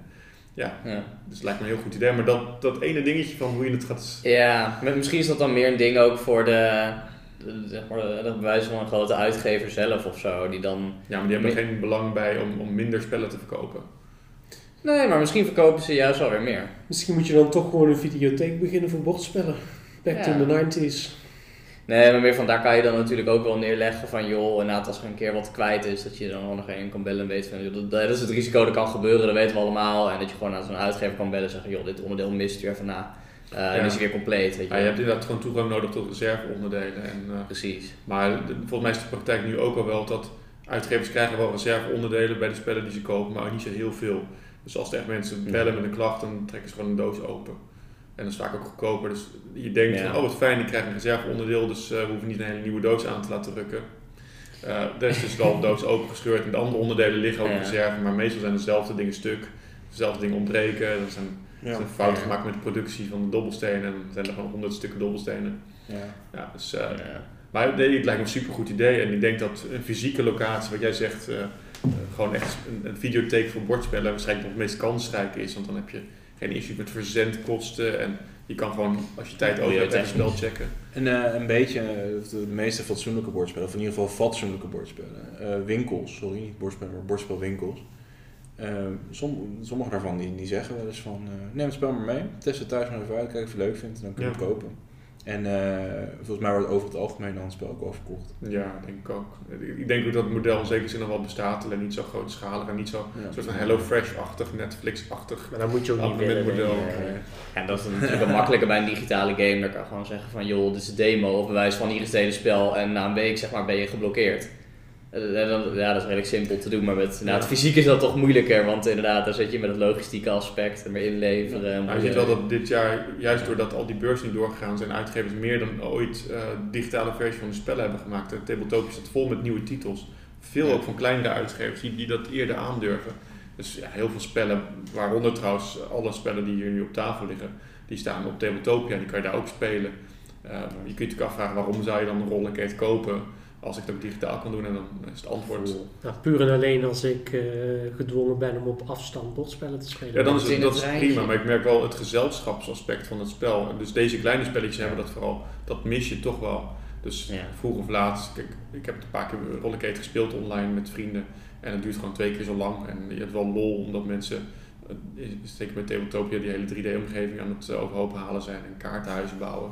Maar mijn spelervaring is niet echt zo leuk. En ik merk dat dit spel is geëngineerd om, om 20 minuten max te duren of zo, als je het een beetje gewoon normaal speelt. En dan is het leuk. En als het 40 minuten duurt, dan begint het een beetje saai te worden. Dan is gewoon te lang. Zo, lang is je spanningsboog niet voor zo'n spel. En die digitale spellen, zeker op Board Game Arena is een uitzondering, maar die andere omgevingen, ja, dat duurt het toch allemaal langer. De handling van al die componenten is lastig. Het voelt een beetje alsof je een chirurg bent die met grijpertjes echt op 500 kilometer afstand bezig is een banaan dicht te hechten. Ehm, Ja, het is ook wel van de immersie ontbreekt wel. Want als je gewoon op tafel een spel aan het spelen bent eh, en de- de- je hele tafel ligt vol met onderdelen en je zit er samen omheen, je zit veel meer eh, in het spel dan. Dat heb ik althans. En wij, wij, hebben, wij, wij hebben aan het begin van de lockdown, hebben wij geloof ik met z'n allen... we hebben Trust Me, I'm a Ja. Doctor hebben wij online gespeeld. En Ja, dat is online. ik vind dat een leuk spel, maar online vond ik het zoveel minder. Nee, maar het was online was het heel leuk, maar eh, het was wel een goede introductie voor het spel. Dus ik, heb ook, ik ben heel erg dankbaar dat we het van de zomer ook met de fysieke versie hebben kunnen doen. En, maar het is wel van, kijk, ik heb een, mijn laptop is 7 jaar oud. Eh, Tabletopia staat er wel op, maar de app die je via eh, Steam hebt, Ja, die, die werkt al. Die, die, die- mijn computer die, eh, die wordt warmer dan, eh, dan mijn eh, waterkoker. En eh, de online versie is zo traag als maar kan. Ja, maar je hebt ook een MacBook, hè? dus die, die zijn er ook niet helemaal Die zijn er niet gemaakt. voor gemaakt. En het ding is 7 jaar oud. Maar in ieder geval, eh, dat abonnement, nou ja, food for thought denk ik. Van, ja, ik- wat- ik vind het gewoon een super intrigerend idee. Ik heb het gevoel dat dat iets is wat ik zou willen. Ja. En dat, ik iets, dat het iets is wat ik leuk zou vinden om te doen. Ik vind het stiekem, maar dat is meer fetish dan iets anders, denk ik. Doosjes inpakken en versturen en labelen is dat best wel leuk om te doen. Dus ja, Toch, had je toch de logistiek in moeten. ja dan ga, waarschijnlijk ga ik er een keer op stuk, maar ik vind het nu nog wel leuk. Ik heb met die kickstarters die ik heb gedaan ook echt honderden doosjes gewoon in zitten pakken. Dat heeft ook wel wat. Maar dat eh food for thought. eh, zullen we afsluiten met een eh, laatste vraag aan jou. En dat is namelijk van, ben je momenteel met een spel bezig? Dus die je Ah. zelf ontwikkelt niet per se eentje die je uitgeeft. Ja, ja ik ben altijd jaloers op mensen die zeggen, ja, ik heb meerdere spellen in ontwikkeling. Ja. Maar inmiddels, ja, ik heb er wel een paar liggen die ik, ik heb denk ik nu zo'n drie spelletjes waar ik wel iets mee aan het doen ben. Maar het gaat allemaal heel traag met, ja, met de kinderen en alle logistiek en zoeken naar een businessmodel. Komt dat een beetje op de backburner, maar dat, is- dat komt wel. Ik heb één spelletje, heb ik de artwork al wel voor gemaakt en ook al wat een en ander van laten zien, een Catch That Mouse. Eh, en ik, toevallig had ik het laatst, ik heb een prototype liggen, ik had het laatst tevoorschijn getoverd omdat mijn kinderen heel erg aan het zeuren waren. En ik zei, oh, we gaan een spelletje doen. Dat heb ik in huis en toen heb ik gewoon die kaart gepakt. Ik had een paar regels weggelaten die ik had verzonnen en ik speelde het met Ik kwam erachter dat het eigenlijk gewoon prima was. Ja, misschien ben ik het gewoon aan het, moeilijk aan het maken dan het is. Misschien is dit spelletje gewoon een heel simpel, kindervriendelijk spelletje. En misschien moet ik het accepteren. Ja. Dat, het niet, dat je er echt wel aardig wat bier bij nodig hebt om boven de 18 nog te pruimen. Dus daar moet ik nog over nadenken. Want in principe, ja, het spel ligt klaar. Kan het zo ja, gewoon een doosje naar de drukker, zeg maar. Daar zijn Dus- we ook altijd voorstander in van eh, in de podcast. Volgens mij is er geen enkele podcast waarbij ik heb gezegd, oh, dat is een leuk drankspel. maar gek genoeg is dat dus de, dus de, de, een, een van de meest lucratieve categorieën spellen die je kunt bedenken. Spellen waar, Ja. je, waar je bij kunt drinken. En drankspellen, dat, dat iemand zei dat tegen me, en het is een beetje een categorie waarop neer wordt gekeken. Maar dat is wel echt, als je geld wil verdienen, moet je een drankspel maken.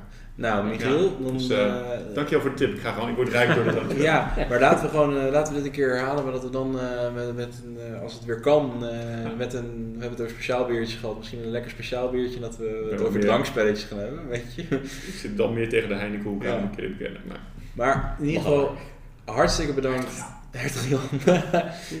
hartstikke bedankt dat wij eh, hier met jou eh, in ieder geval in gesprek hebben mogen gaan. We hebben, we hebben eigenlijk al, los van de podcast, hebben we al best wel lang eh, met elkaar gesproken. Ik vond het hartstikke gezellig. ik ook, ja, ik vond het super Is dit het eindstation, jongens? Dit is het Oh. eindstation. Ja, we gaan nog wel straks jouw, eh, jouw raadsel doen.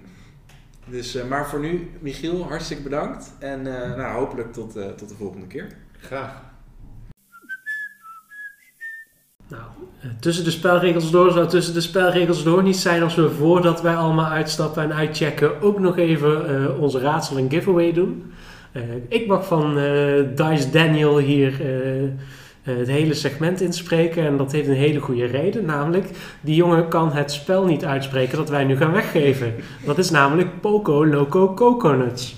En als je denkt van Coconuts heeft dit misschien te maken met Monty Python of zo, dan moet ik je helaas teleurstellen.